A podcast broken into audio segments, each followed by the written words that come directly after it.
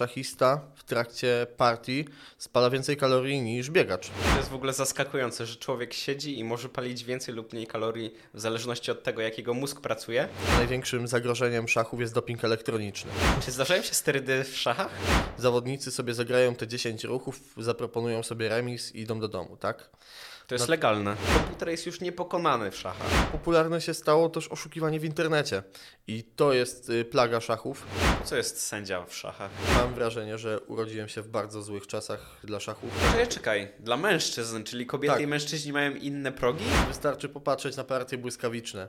Y, Tak wygląda refleks szachista. Ile zarabiają szachiści? Cześć, ja nazywam się Przemek Wójcicki, a to mój podcast, którym rozmawiam ze swoimi gośćmi na tematy takie jak biohacking, zdrowie, sport, biznes, psychologia, rozwój i tematy bardzo szeroko pokrewne. Miłego słuchania. Cześć, witajcie. Dzisiaj drugi podcast na żywo. I dzisiaj porozmawiamy sobie o sporcie, który jest bardzo wymagający. A co to za sport? Pewnie już wiecie z miniatury. Gości dzisiaj u mnie szachista. Cześć. Czy możesz powiedzieć, kim jesteś? Cześć, nazywam się Aleksander Wilk, mam 20 lat i w szachy gram 3 czwarte swojego życia. Y, Generalnie reprezentuję klub szachowy Hetman Wałbrzych. Y, Jestem też sędzią szachowym, y, uczę szachów w szkole, więc udzielam się dość dużo w tym sporcie. I myślę, że to tyle z takich najważniejszych słów o mnie. Jeszcze posia- posiadam pierwszą kategorię szachową, czyli już jakiś poziom reprezentuję. Mhm. Ile jest kategorii szachowych? Y, Ogólnie jeżeli chodzi o szachy, to kategorie zaczynają się od piątej, idą w dół. Czwarta, trzecia, druga, pierwsza. Y, I potem już można robić tytuły krajowe i międzynarodowe. Tytuły mamy kandydata na mistrza i mistrza krajowego, natomiast tytuły międzynarodowe kandydat na mistrza FIDE, mistrz FIDE, później mistrz międzynarodowy i arcymistrz. Trochę tego jest. Myślę, że już w ogóle takie zaawansowane pojęcia tu wprowadziliśmy. Ale zanim to, chciałbym Cię zapytać, jak zaczęła się Twoja przygoda z szachami? Y, Ogólnie, jeżeli chodzi o szachy, to aż tak dobrze tego nie pamiętam. Natomiast nauczył mnie grać pradziadek, y, który w tym momencie już y, raczej średnio aktywny, jeżeli chodzi o szachy. Natomiast nauczył mnie grać, nauczył mnie podstaw, jakoś złapałem bakcyla i szukałem osób, które chciały ze mną sobie pograć. Gdzieś tam trafiłem do szkoły podstawowej. W drugiej klasie złapała mnie pierwsza trenerka i tak się w sumie zaczęło. Zacząłem grać jakoś bardziej na poważnie. Potem przyszła przerwa, wróciłem w piątej klasie podstawówki i w sumie gram sobie do dziś. Także To jest ciekawa historia. Ja szczerze powiedziawszy nawet nie poznałem swojego pradziadka, także to jest ciekawe. A powiedz mi, czy ta trenerka sama cię znalazła, czy ty się jakoś zgłosiłeś y, gdzieś? to było coś takiego, że siedziałem sobie na świetlicy, grałem z panią od świetlicy i wtedy pani trenerka przyszła, jakoś tak zauważyła, zacząłem chodzić do niej na zajęcia. O. Y, I tak jak mówię, no, to była akurat y, dość krótka przygoda, to znaczy grałem sobie przez rok, potem przestałem. Jak, wiadomo, jak to jest w wieku dziecka, tak pewne rzeczy się szybko nudzą, nie byłem taki zdyscyplinowany, dojrzałem do tego kilka lat później i w sumie y, dalej kontynuowałem tutaj przygodę szachową, więc y, myślę, że to jest wystarczające słowo wstępu w tej kwestii. W ogóle na początku powiedziałem, że szachy to sport. Większość sportów charakteryzuje się tym, że jak w młodym wieku odpuścisz, to już nie nadrobisz tych zaległości. A czy w szachach tak jest? Czy na przykład są mistrzowie, którzy, za, którzy zaczęli dopiero jak byli dorośli? Yy, owszem, generalnie sytuacja ma się tak, że da się zacząć grać w szachy w wieku 15 lat, dojść do jakiegoś wysokiego poziomu, ale myślę, że takie najwyższe cele to trzeba zdobywać od małego. I tak jak mówię, tutaj wiek 5-6 lat to jest taki, gdzie ci czołowi zawodnicy zaczynają. I yy, raczej ciężko jest nadrobić te stracone lata. Wiem to po sobie. Yy, Generalnie myślę, że już więcej w szachach nie osiągnę, bo zacząłem dość późno grać tak na poważnie. No i teraz jesteś trenerem szachów, tak? I jesteś również sędzią. Tak. I o tym właśnie wszystkim dzisiaj porozmawiamy. Porozmawiamy o świecie szachów, o tym, czym się on charakteryzuje, jakie są zarobki w szachach. Myślę, że to jest temat ciekawy dla wielu osób. Ale zacznijmy od początku. Powiedz mi, czym są szachy w ogóle? E, Szachy to gra planszowa, jak dobrze wiemy. E, Rozgrywa się na 64 polach, które są naprzemiennie jasne i ciemne. Ważne to jest nie białe i czarne, jasne i ciemne. E, Celem gry w szachy jest danie mata. Mat z języka perskiego oznacza pozbawiony mocy. Króla w szachach nie bijemy. I właśnie ogólnie o historii szachów. Szachy narodziły się w Persji, później stamtąd trafiły do Arabii, a z Arabii do Europy i mamy je po dziś dzień w takiej wersji, w jakiej wówczas trafiły. Doszły tam nowe zasady, na przykład bicie w przelocie, y, które jest chyba najtrudniejszym wyjątkiem szachowym do zapamiętania przez uczących się. Y, I w zasadzie to jest cała istota szachów. Na, na ten moment gra bardzo dużo osób. Mamy w tym momencie skok popularności i to jest takie mo- motywujące do dalszego działania. Czy możesz mi powiedzieć, czym jest y, bicie w przelocie? Bicie w przelocie polega na tym, że jak wiemy, pionkiem możesz ruszyć o dwa pola w pierwszym ruchu, tak? Tak. Y, Z początkowej pozycji. Jeżeli dojdziesz swoim pionkiem na połowę przeciwnika, a przeciwnik ruszy pionkiem z sąsiadującej kolumny o dwa pola, wówczas możesz go zbić tak, jakby ruszył nim o jedno pole. Myślę, Aha. że najłatwiej to będzie pokazać na przykładzie, natomiast y, na ten moment nie mamy przy sobie szachownicy, więc będzie to utrudnione. Tak, ja już kojarzę ten ruch, uczyłem się go. I rzeczywiście jest on nietypowy w szachach. Myślę, że jest wyjątkiem ogólnie w całej grze. I właśnie teraz myślę, że jest dobry moment, żebyśmy przeszli do partyjki w szachy. My tą partyjkę już nagraliśmy wcześniej. Teraz będzie taki krótki przerywnik dla osób, które słuchają. Na YouTubie będzie pokazana szachownica i będziemy grać. Tutaj Oleg będzie miał tylko 30 sekund na, całą, na cały mecz, a ja będę miał 3 minuty, więc zobaczymy, co z tego wyniknie. My już wiemy, ale widzowie jeszcze nie, więc teraz krótki przerywnik i zaraz wracamy do całej rozmowy o szachach. Teraz sobie zagramy w szachy. Zasady są proste, czy możesz je przedstawić? Okej, zasady są proste. Tak jak wspomniałeś, y, ja mam 30 sekund na wykonanie wszystkich posunięć. y, Tutaj Przemek ma 3 minuty i wygrywa osoba, która, jak wiemy, da mata, bądź przeciwnikowi spadnie czas. Myślę, że możemy zaczynać. Będzie ciekawie. Powodzenia. Zawsze na początku podaje się rękę? Tak, zawsze na początku Podejście podaje się rękę i zawsze czarne włączają zegar tym środkowym guzikiem. Okej. Także A czy Proszę. 30 sekund to jest typowo? Wspominałeś mi kiedyś, że grałeś już na 15 sekund. e, grałem na 15 sekund partie towarzyskie, ale takie partie turniejowe, powiedzmy e, błyskawiczne, zaczynają się raczej od 3 minut. Więc tutaj Okej. E, przez internet można sobie pograć na pół minuty, ale tak turniejowo to raczej jest niespotykane. Rozumiem i myślę, że potem porozmawiamy sobie w ogóle, jakie są rodzaje gry w szachów, no bo są te krótkie, szybkie i tak dalej. A teraz zacznijmy. Lecisz. Ej, włączyłem? Tak, leci. A na sekundę nie zajął twój ruch. Widzisz, no i przełączasz zegar. A, zapomniałem. Nigdy nie grałem z zegarem. I jeszcze raz. Kto tu się bardziej stresuje, nie? Dobra, ja w ogóle nie myślę w tym momencie, co się dzieje.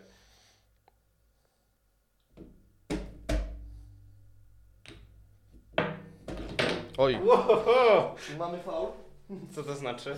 Nie, generalnie y, trzeba pamiętać, żeby po czymś takim podnieść y, swoją figurę, postawić ją we właściwym miejscu, dopiero przełączyć zegar. Okay, Y, jedną ręką. Dobra, okej, jedną ręką robimy posunięcia. Oj, dobra. No nie, ten czas. Ale muszę się zaznajomić z tymi pionkami, bo tak... Y, tak, tak, tak. Przede wszystkim, Okej. jeżeli robisz ruch lewą ręką, to lewą przełączasz zegar. Aha. Nie możesz? A, w szach by był. Tak, tak, tak. Fuck, to jest...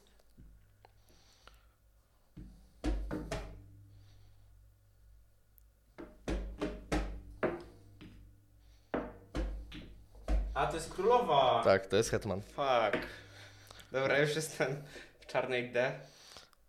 Nie zapominajmy o tym, że gramy na czas. Ja, nie rozwalasz. Ale nie, nie zacząłem w ogóle myśleć. Ja też nie. Pierwsza rozgrzewkowa, jak to mówią. Szach. Aha. No nie. Jest szach od gońca. A, fuck.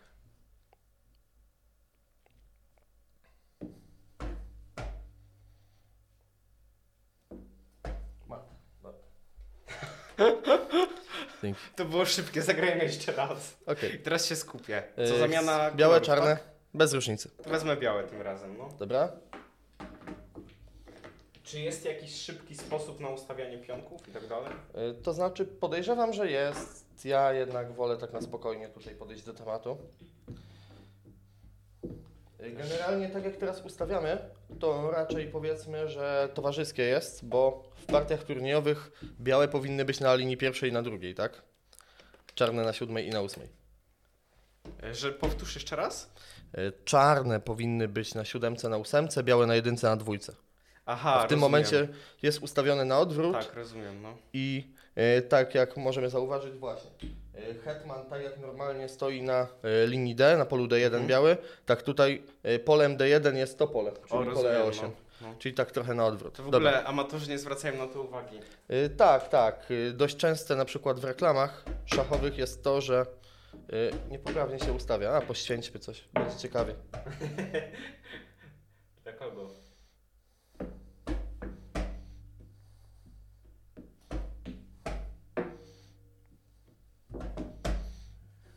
Jakąś sztuczkę teraz szykujesz. Oj tam, oj tam.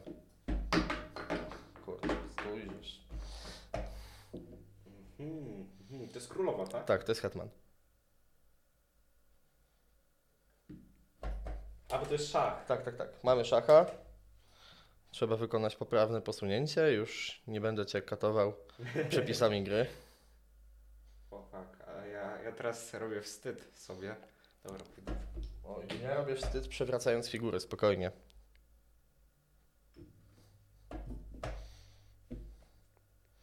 Żeby za chwilę tutaj czegoś nie podstawić.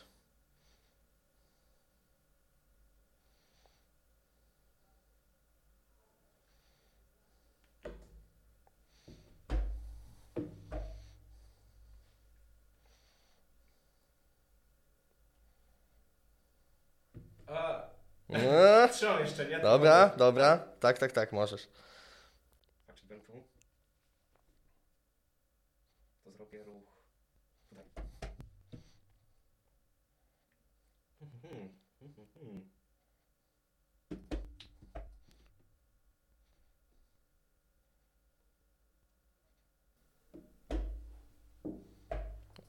A jest szach. Jest szach. Generalnie w partii Ja. turniejowej drugi nieprawidłowy ruch przegrywa, ale tutaj, tak jak mówiłem, e, gramy towarzysko, więc na spokojnie.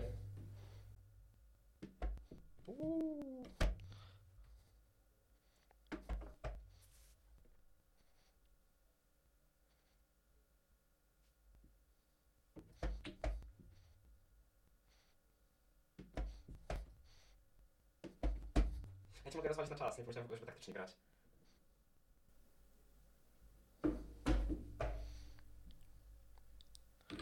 Dobra, dzięki. Jest szachmat? Tak. Wow, ja nawet Czyli się udało. nie zorientowałem się, co się dzieje. Myślę, że dobra gra. Dobra gra. Problem jest właśnie też taki, że tutaj dużo się działo i no, grasz takie ruchy, które sprawiają problem po prostu. Bo ja w ogóle nie. Ja tak się nie umiem skupić w tym momencie. Jakby zaczęliśmy nagrywać i bardziej myślę o tym, o co zapytać i tak dalej zaraz, niż na Mhm. grze się skupiłem. Ty Dokładnie. pewnie miałeś podobnie, czy nie? E, To znaczy, generalnie tak. y, Ja ciągle myślę o tym, co chcę powiedzieć i przekazać Mhm. tutaj widzom. Natomiast gra powinna się obronić, więc tutaj też nie jest tak, że wiesz, że po prostu to jest jedyny czynnik, ale po prostu dobrze zagrałeś tutaj. Trochę przypadkiem myślę, że. Właśnie powiemy sobie, bo mam wrażenie, że szachy to jedna z niewielu gier, gdzie nie ma miejsca na szczęście.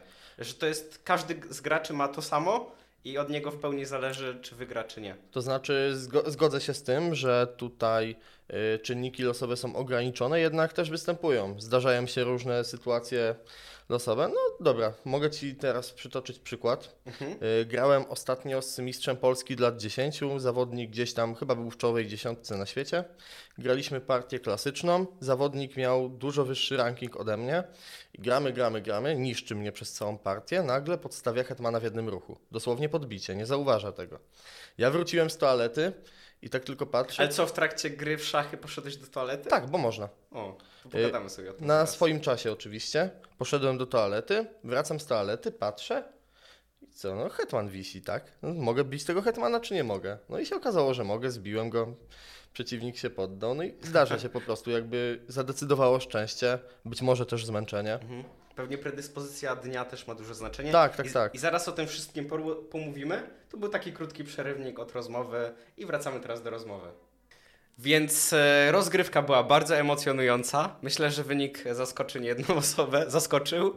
Co, jak skomentujesz ten mecz? E, Generalnie sam jestem trochę zaskoczony, jednak 30 sekund to jest mało czasu mimo wszystko i ciężko jest wygrać partię w 30 sekund. Natomiast e, tutaj zawodnik, który gra intuicyjnie, tak jak ja, myślę, że poradził sobie nieźle. Natomiast no, jestem zaskoczony tym, że trochę napodstawiałem tutaj. ja myślałem, że tak e, podstawiasz, żeby poszpanować, jeżeli tak potem nie rozjedziesz. Nie, nie, nie. Ale ogólnie ja też bardzo grałem tak e, na czuł. Ja w ogóle nie myślałem jakoś długoterminowo w trakcie tej gry. Po prostu tak leciałem. Bardziej się zastanawiałem, jak będzie dalsza rozmowa wyglądała. Ale wróćmy do tej rozmowy właśnie i chciałbym Cię na początku zapytać o pytanie związane z całym początkiem, bo wspomniałem, że to jest wymagający sport i czy w ogóle szachy to sport? E, Teraz tak, e, trafiamy na taki grunt, gdzie e, lubię się kłócić. E, Ogólnie szachy są sportem, szachy są sportem umysłowym. Natomiast jeżeli chodzi o takie elementy, które dotyczą typowego sportu, to mamy tutaj przede wszystkim rywalizację. Jednak w szachach rywalizacja jest bardzo ważna e, i kondycja fizyczna, jeżeli chodzi o szachy, też jest y, takim fundamentalnym elementem. Jednak y, szachiści, którzy grają wyczynowo gdzieś na poziomie powiedzmy tym arcymistrzowskim, y, dbają bardzo mocno o kondycję fizyczną, bo nie oszukujmy się, ale granie po 5, 6, czasami 7 godzin jednego dnia jest wyczerpujące. A gdy przychodzi do turnieju, gdzie masz 11 takich partii w ciągu y, powiedzmy y, zawodów, to już ta kondycja i zmęczenie często daje się we znaki. Myślę, że jest to też trochę innego rodzaju kondycja niż e, w typowych sportach. Y, To znaczy, zasadniczo y, szachiści trenują na przykład bieganie, pływanie, tenis stołowy i to są takie powiedzmy dodatkowe y, czynniki pozaszachowe, które występują, więc myślę, że ta kondycja jest podobna. Tutaj y, kojarzę statystyki, że szachista w trakcie partii spala więcej kalorii niż biegacz. Właśnie, to jest ciekawa kwestia. Ja kiedyś słyszałem, że nawet 3000 kalorii na godzinę można spalić myśląc tak bardzo umysłowo, grając w szachy. Y, Ogólnie nie jestem w stanie podać dokładnych liczb, natomiast y, do 6000 kalorii dziennie spala arcymistrz w ciągu dnia zawodów. I to jest jakby zaskakująca statystyka. Y, Sam w to troszkę nie dowierzam, natomiast y, taka jest prawda i no, to są trzy diety przeciętnego człowieka, więc Tak, bardzo dużo. prawda.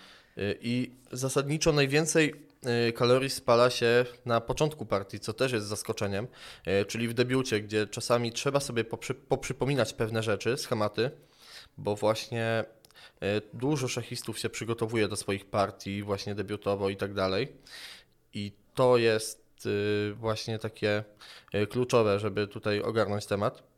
Y, A w końcówce, y, czyli w ostatniej fazie partii, właśnie tych kalorii się spala mniej.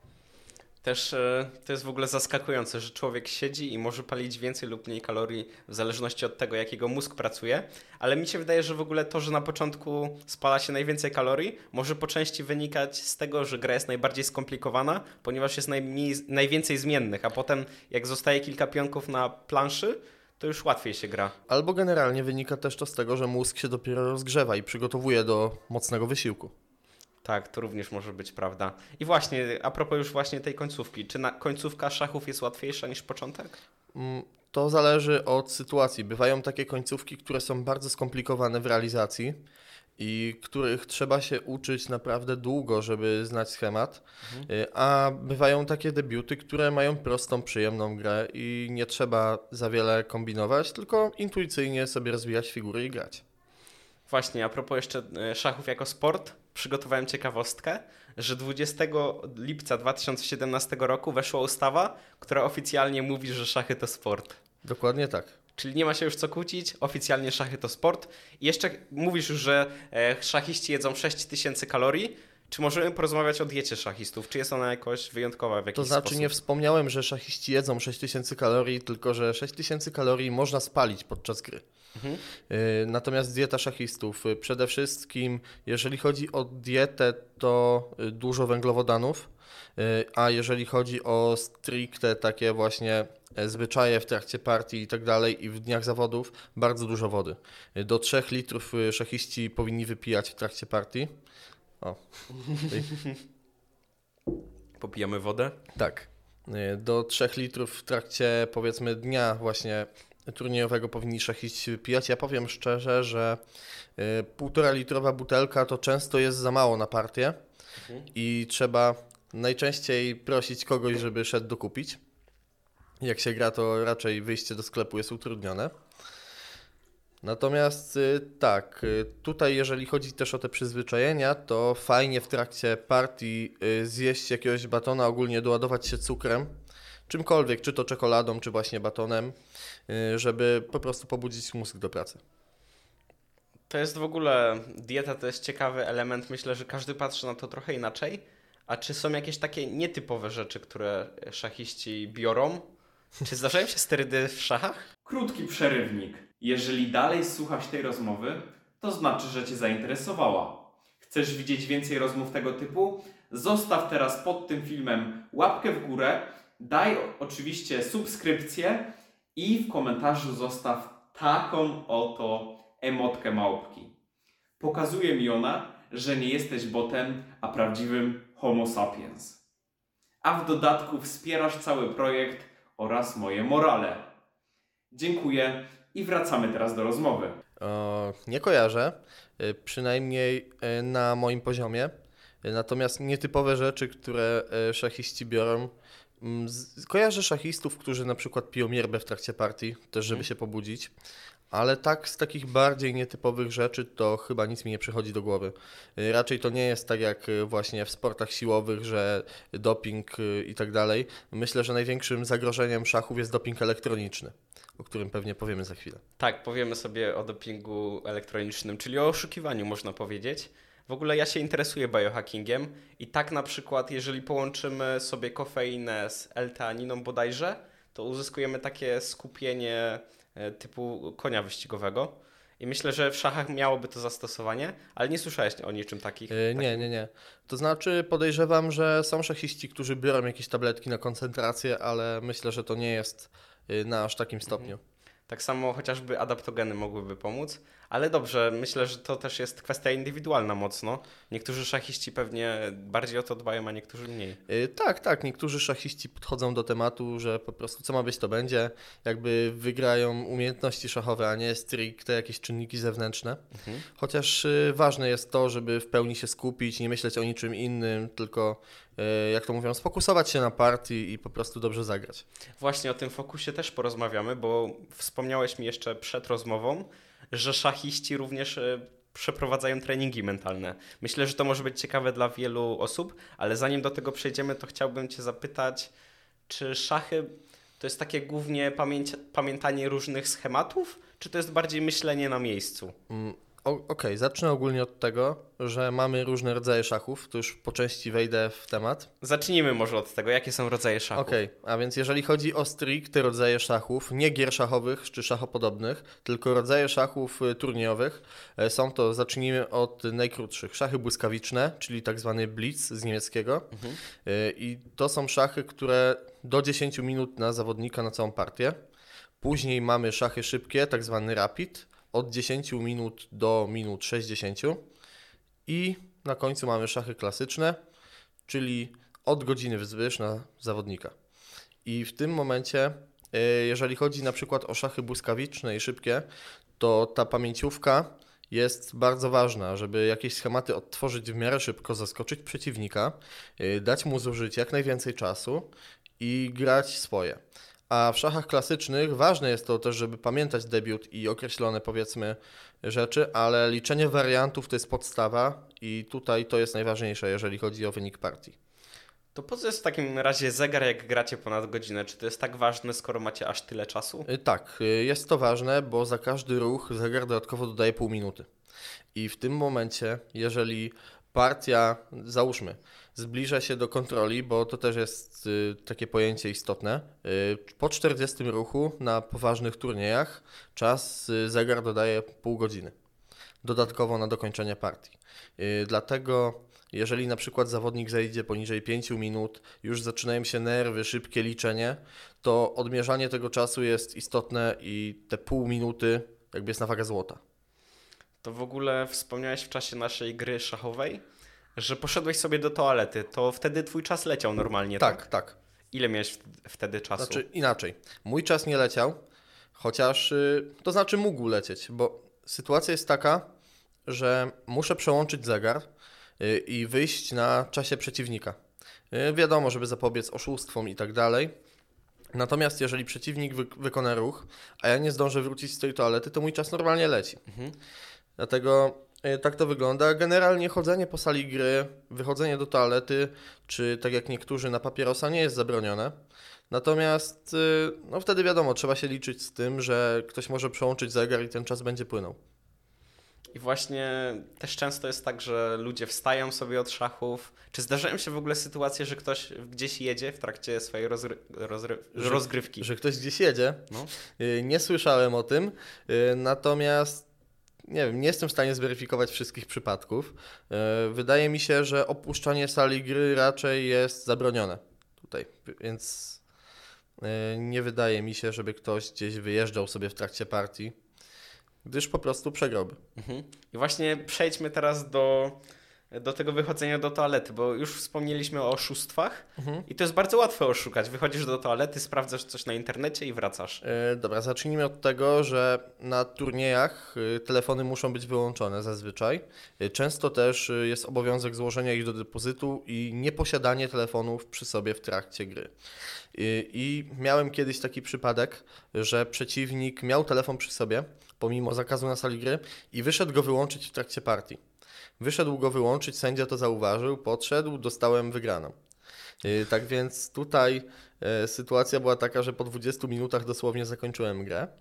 E, No i lepiej tego telefonu przy sobie nie mieć, natomiast zdarzają się sytuacje, że ktoś ma drugi telefon gdzieś schowany, wyjdzie, ale to jednak jest dość łatwe do zdemaskowania i coraz częściej na turniejach pojawiają się detektory, e, wykrywacze metalu, dlatego tu, albo urządzeń elektronicznych po prostu, tak? Sam nieraz miałem taką kontrolę, więc tutaj to jest bezproblemowe akurat. Jakie jeszcze są rodzaje oszustw w szachach? E, To znaczy tak, y, właśnie tak jak mówiłem, można wyjść do toalety. E, Są jakieś mikrosłuchawki, mikrourządzenia, które można sobie schować gdzieś do ucha na przykład i ktoś przez nie podpowiada. E, Było kilka takich spraw. Gdzieś ostatnio nawet y, pojawiły się kontrowersje związane z Hansem Niemanem, z bardzo znanym arcymistrzem, który wygrał w imponującym stylu z mistrzem świata, jeszcze Magnusem Carlsenem. E, I właśnie pojawiały się różne insynuacje na temat tego, że oszukuje. E, Pojawiały się paradoksalne metody oszustw, z których z racji przyzwoitości nie przytoczę. Także są różne sposoby na oszukiwanie w szachach.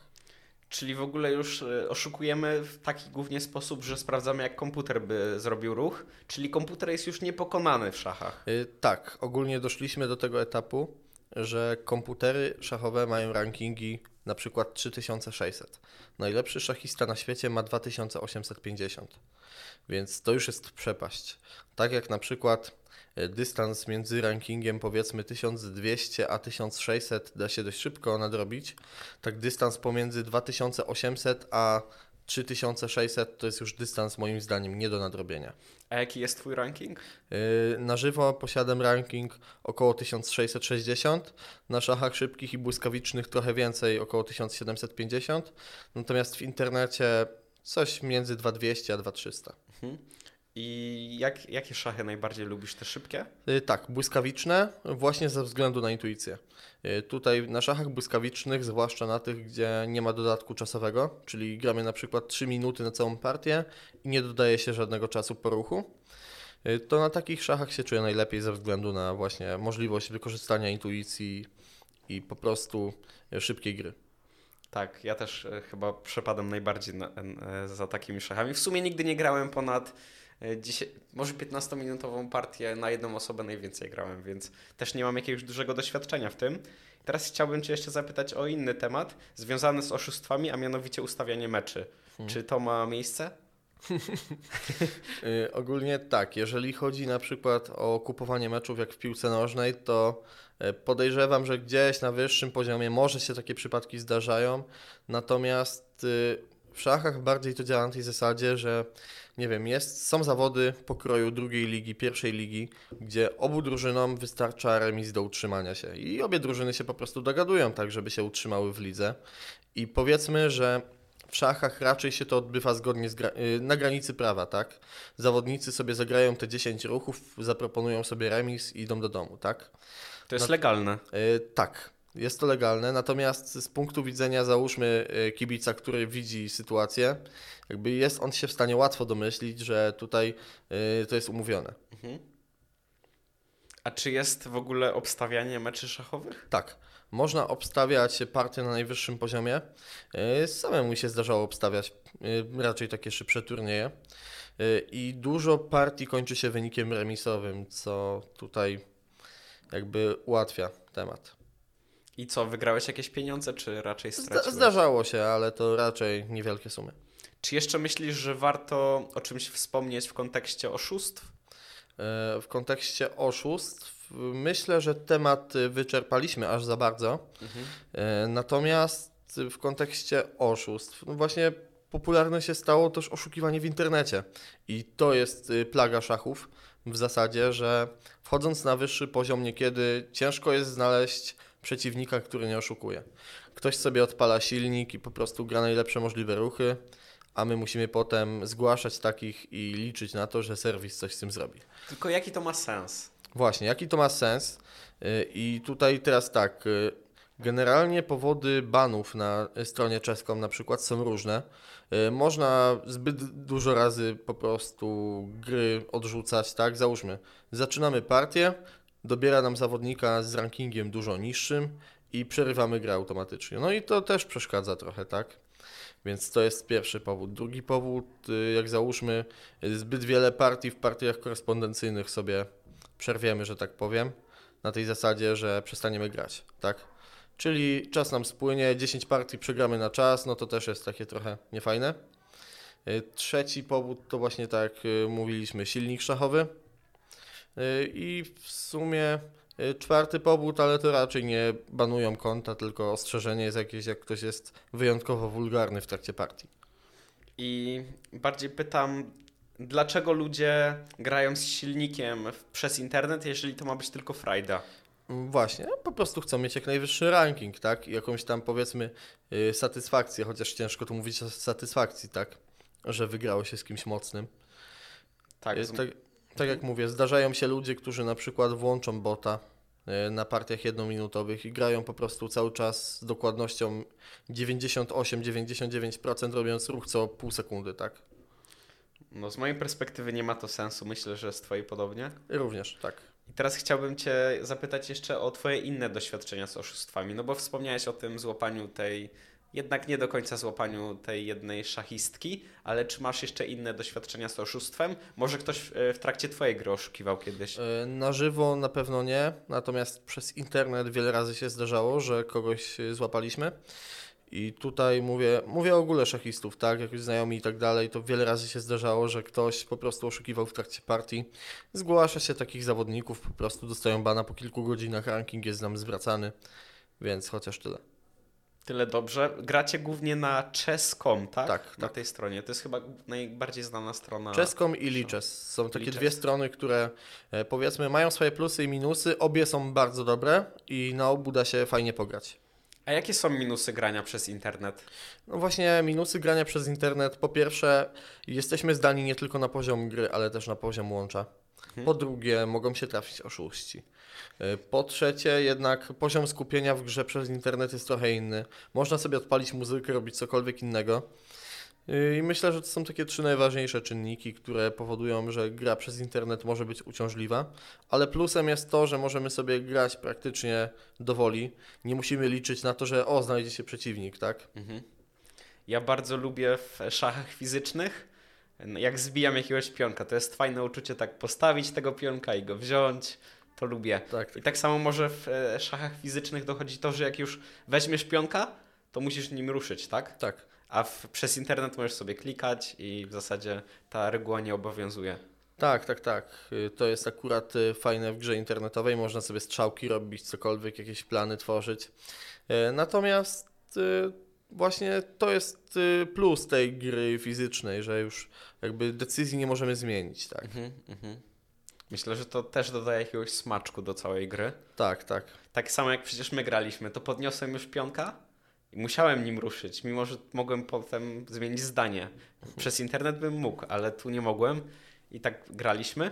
Chciałbym Cię teraz jeszcze zapytać o coś, co nie wy występuje w internecie, a mianowicie psychologię szachów. O psychologię szachów, czyli mamy na myśli tutaj y, jakieś zagrywki, tak? W trakcie partii, które są stosowane. Tak. Y, To z takich, które kojarzę mniej więcej na przykład, y, co może doprowadzić do szału. y, Nie, generalnie na przykład jakieś w cudzysłowie agresywniejsze granie, tak? Stawianie figur tak powiedzmy mocno, mocne przełączanie zegara. To jest coś takiego, co jednak trochę wyprowadza z równowagi. Na przykład zdarzało mi się przyjść na partię spóźnionym. Też nie jest zbyt fajne, natomiast tak akurat wyszło. Zagrać szybko kilka ruchów i sobie zrobić herbatę, tak? No i też w tym momencie przeciwnik jakby ma- nie dość, że się spóźnił, to jeszcze idzie i ma wywalone powiedzmy, tak? A w tym czasie mimo wszystko idzie pomyśleć, jeżeli ma się szachownicę w głowie, to przynajmniej na początkowej fazie bez problemu idzie odtworzyć pozycję i zastanawiać się nad y, jakimiś swoimi słabościami, planami gry i tak dalej. Często właśnie dużo lepiej mi się myśli gdzieś na zewnątrz niż y, przy partii. Właśnie, a propos tego, że na początku da się pamiętać, jak wygląda szachownica, to czy na Twoim poziomie granie w umyśle jest częste, że nie potrzebujesz e, planszy do grania? Powiem tak, y, na moim poziomie, y, czytaj zawodników y, pierwsza kategoria wzwyż, myślę, że tak. Natomiast mi to nigdy nie wchodziło. Całej partii nie wiem, czy bym zagrał na ślepo. Myślę, że 10-15 ruchów tak, natomiast cała partia to już jest wyczyn, pamiętanie wszystkiego. Y, Ostatnio nawet y, przegrałem z kolegą z klubu na ślepo, także zdarza się. A w jaki sposób to się trenuje? Y, W jaki sposób to się trenuje? Są różne treningi wizji. Można włączyć y, y, blindfolda, czyli szachownicę taką ślepą w cudzysłowie na czeskomie i po prostu grać sobie w szachy, widząc tylko same pola bez figur, tak? I myślę, że to jest fajny trening. Można po prostu praktyką trenować, tak? Grać sobie dużo partii na ślepo i w ten sposób się uczyć. Ja szczerze Ci powiem, że nawet jak graliśmy, to mieliśmy na odwrót potem szachownicę. Tak, tak, tak. Ja szczerze Ci powiem, że nawet ja jeszcze nie ogarniam tych e, oznaczeń, więc myślę, że to byłby pierwszy etap, nauczyć się tych oznaczeń. I tak wracając jeszcze do psychologii w szachach, Mhm. to czy zdarzył Ci się mecz, w trakcie którego zawodnik tak bardzo się na Ciebie patrzył, że było to niekomfortowe? Y, Powiem tak, ja raczej nie patrzę na zawodnika, tylko na szachownicę, więc nie wiem. Mhm. Y, Natomiast jest to ciekawe pytanie. Y, Mnie takie rzeczy raczej nie wyprowadzają z równowagi. Myślę, że tu jest w ogóle duże pole do popisu w kwestii psychologii szachów, że jest dużo sposobów, w, jaki, w jakie możesz wejść do głowy przeciwnika. Mm, Tak, tutaj y, można generalnie jakoś próbować wejść w jego umysł i jakoś zaingerować. Y, Natomiast raczej to jest niefajne. A z Twojego doświadczenia, co było najgorsze, z czym się spotkałeś? W trakcie partii, Tak. o, ja ostatnio właśnie grałem taką partię, gdzie przeciwnik grał wybitnie agresywnie, całą partię. Y, To znaczy, powiedzmy, że pozycja była jakaś taka równa, ale przeciwnik y, po prostu bił w ten zegar, jakby no, wyprowadzał z równowagi po prostu i przez to trochę się pogubiłem, partię przegrałem i tyle. Ale też y, staram się zawsze nie szukać winnych, tylko y, mieć świadomość, że można było coś lepiej zagrać. Raz też miałem sytuację, już spróbuję ją przytoczyć, jednak nie wiem, czy będę w stanie dokładnie ją odtworzyć. Y, Grałem na akademickich mistrzostwach Polski z zawodnikiem i gramy, gramy, gramy, wykonałem posunięcie. Nagle przeciwnik mi mówi, że ta wieża stała na tym polu, gdzie ją przełączyłem, gdzie ją jakby zostawiłem, tak, że pusty ruch wykonałem. Załóżmy, że wieża stała na wieża, Tak, wieża stała na F1, y, zagrałem ją na E1, a przeciwnik mi zarzucił, że wykonałem pusty ruch po Mhm. prostu, tak? No i w tym momencie przy równej pozycji sędzia został zawołany.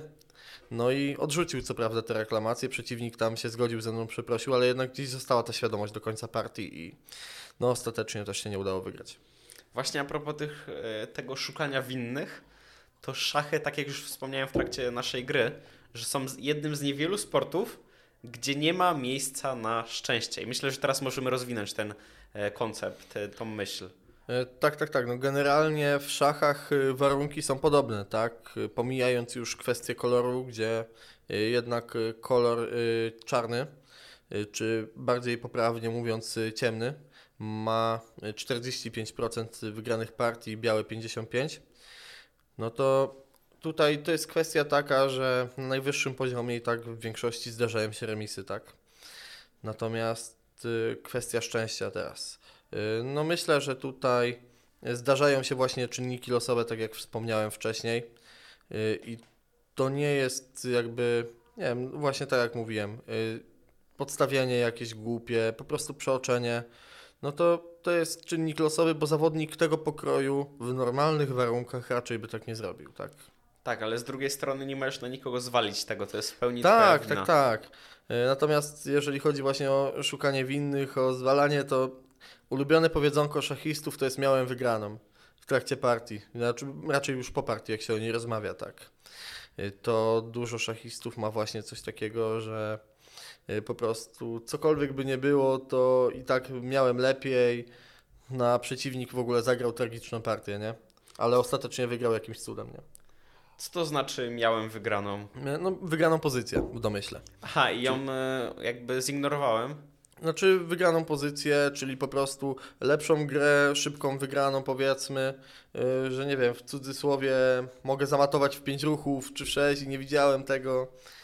No, Zdarzają się takie rzeczy, tak. Mhm. I właśnie myślę, że po części dzięki temu szachy uczą odpowiedzialności i brania ją na siebie. I szachy też często mówi się, że uczą długoterminowego myślenia. Czy tak jest? E, tak, tak. Szachy przede wszystkim właśnie uczą odpowiedzialności za swoje decyzje, bo e, tak jak właśnie w szachach dotknięta idzie, to wiadomo, ale na przykład pionki w szachach nie mogą się cofnąć. Y, każdy ruch pionkiem to jest jakaś tam odpowiedzialność, że ten pionek nie będzie mógł stanąć niżej, tak? Mhm. Y, tak samo właśnie y, poza tą odpowiedzialnością za swoje decyzje szachy uczą właśnie jakiegoś tam procesu tego podejmowania decyzji, tak? Myślenia i tego wszystkiego. I to się potem bardzo przydaje w życiu. I właśnie teraz zapytam Cię jeszcze o to długoterminowe myślenie. To jak graliśmy, czy miałeś ruchy do przodu przemyślane? Mm, raczej starałem się na bieżąco wymyślać z tego względu, że nie byłem pewny do końca, co zagrasz. Jak gram, na, załóżmy ze znajomymi, z którymi gram, nie wiem, 500, tysięczną partię i tak dalej, to już mniej więcej wiem, czego się mogę po nich spodziewać i to bardzo ułatwia zadanie. A tak ogólnie, jak grasz takie już długie mecze, to ile ruchów do przodu analizujesz? E, najdalej mi się zdarzyło 15 ale, ale to była stosunkowo prosta końcówka i wszystko było na tej zasadzie, że y, innych ruchów nie było do rozpatrzenia, więc o tyle proste. Natomiast tak głębiej, no to myślę 6, 7, 8 to jest takie maksimum. Mhm. Nie, to ja też bardziej idę na żywioł. Nie jestem jakiś zaawansowany, ale tak to może maksymalnie trzy ruchy do przodu patrzę uh -huh. i dalej nie lecę. Myślę, że to z praktyką przychodzi. Tak, nie? tak, tak. To przychodzi z praktyką. E, właśnie najfajniej jest zrobić jakieś zadania, oceniać pozycje, liczyć warianty i w tym momencie dużo łatwiej wszystko przychodzi. Mhm. Wspomniałeś, że w chess.com, w tej najbardziej popularnej platformie do grania w szachy online, jest możliwość wyłączenia e, szachownicy i grania z pamięci. Tak. Jest to pewnego rodzaju narzędzie, które macie nauczyć grania w pamięci. Tak. I teraz chcę dopytać, czy są jakieś inne narzędzia, które, z których szachiści korzystają? E, tak, e, ogólnie na przykład e, już pomijając właśnie takie blindfoldy, czyli granie na ślepo, to narzędzia, które się przydają szachistom, to są różnego rodzaju strony, które służą do właśnie rozwiązywania zadań szachowych. Tutaj na Chesscomie, na Lichess, na Chess Tempo można robić te zadania. Z tym, że na Chesscomie są ograniczenia, jeżeli nie ma się płatnej wersji chociaż ja ze swojej strony polecam wykupić bardzo fajne zadania. No i jest też bardzo uzależniająca opcja Puzzle Rush, która polega na tym, że ustawia się timer na 3 bądź 5 minut albo na nieograniczony czas i robi się jak najwięcej zadań w określonym czasie. I te zadania, jakby ich poziom rośnie, co jest dodatkowym utrudnieniem. Natomiast to bardzo fajnie ćwiczy jakby ten zmysł taktyczny, że już widzimy pewne rzeczy w trakcie partii, jakieś schematy, że to się powtarza i naprawdę to daje efekty. E, powróciłem do treningów takich mocniejszych właśnie od miesiąca i daje radę. I, I jak... kol- w- Tak? Kolejne narzędzie, bo ich jest, tak jak mówiłem, sporo, Mhm. y, to jest na przykład strona Chessable, która jakby umożliwia powtarzanie wariantów i kursów debiutowych. Te kursy można znaleźć albo w bezpłatnej wersji, takiej krótszej, albo kupić i polega to mniej więcej na tym, że uczymy się poszczególnych ruchów wariantu, potem to powtarzamy, powtarzamy systematycznie, codziennie, w końcu się uczymy tych wariantów i jakby na tym można budować swoje przygotowania debiutowe. No i teraz dużo pytań mi się narodziło w głowie. Czym jest wariant? Wariant. Y, Wariant to jest sekwencja ruchów, która jakby prowadzi do określonej pozycji. Ha, nawet nie wiedziałem, że istnieje takie coś. Y, Tak jak e, mówimy na przykład o liczeniu wariantów, mamy konkretną pozycję y, i liczymy możliwości, które mogą nastąpić, tak? I to są poszczególne warianty właśnie. Jeszcze pytanie, jak wyglądają zadania szachowe? Czy to jest szachownica, czy może to są inne jakieś rzeczy? Zadania szachowe polegają na tym, że ma się ustawioną właśnie jakąś pozycję na szachownicy i trzeba znaleźć najlepszy ruch dla którejś ze stron. Mhm. Czasami to jest mat w 2, czasami mat w 3, czasami po prostu wygranie figury i doprowadzenie do pozycji, która jest już łatwo wygrana. Jak rozumiem, Puzzle Rush to jest kilka takich zadań, jeden po drugim w takim Tak. krótkim odstępie Jeden czasu. po drugim masz ustawione na przykład na 3 minuty. E, No i najlepsi robią, nie, nie wiem, nie orientuję się nawet ile takich zadań, z 60, 70. Mhm. E, Moim rekordem jest 40 kilka do tej pory i staram się cały czas pobić. Dobra, wróćmy do tych narzędzi. Jakie jeszcze są narzędzia szachowe? Y, Narzędzia szachowe, na przykład bazy danych, tak? Mamy y, ChessBase'a, to jest taka ogólnoświatowa baza szachowa, która zawiera partię większości zawodników, które są na przykład transmitowane albo gdzieś zebrane. I te partie pozwalają na sprawdzenie, co grają nasi przeciwnicy. I w taki oto sposób można się łatwo przygotować do partii. Y, Załóżmy, sprawdzając, y, jaki wariant gra przeciwnik, y, w jaki sposób można go obalić ewentualnie, w jaki sposób zaskoczyć. I to jest takie bardzo przydatne narzędzie. I ciebie też tam znajdziemy? Tak, O, to jest ciekawe. I taka analiza przed meczem, jak chociażby w walkach, Tak, sztukach tak, tak. walki. tak, y, mamy właśnie taką analizę i przygotowanie często trwa dłużej niż sama partia. Mówię z własnego doświadczenia. Potrafiłem się przygotowywać po 3-4 godziny, a grałem na przykład 2,5. W jaki sposób się przygotowujesz? Właśnie analizujesz przeciwnika i coś jeszcze? E, Tak, bardzo często właśnie z pomocą znajomych, którzy są trochę mocniejsi, szukamy gdzieś słabych, silnych stron przeciwników, jakichś wariantów i próbujemy zaskoczyć, tak? Jeżeli przeciwnik wpadnie w pułapkę, to często udaje się szybko wygrać, przejąć inicjatywę, a jeżeli nie i na przykład, nie wiem, sam zapomnę wariantów w tym debiucie, to jest problem. I jeszcze pytanie o trening, jaki ty oferujesz, no bo jesteś trenerem.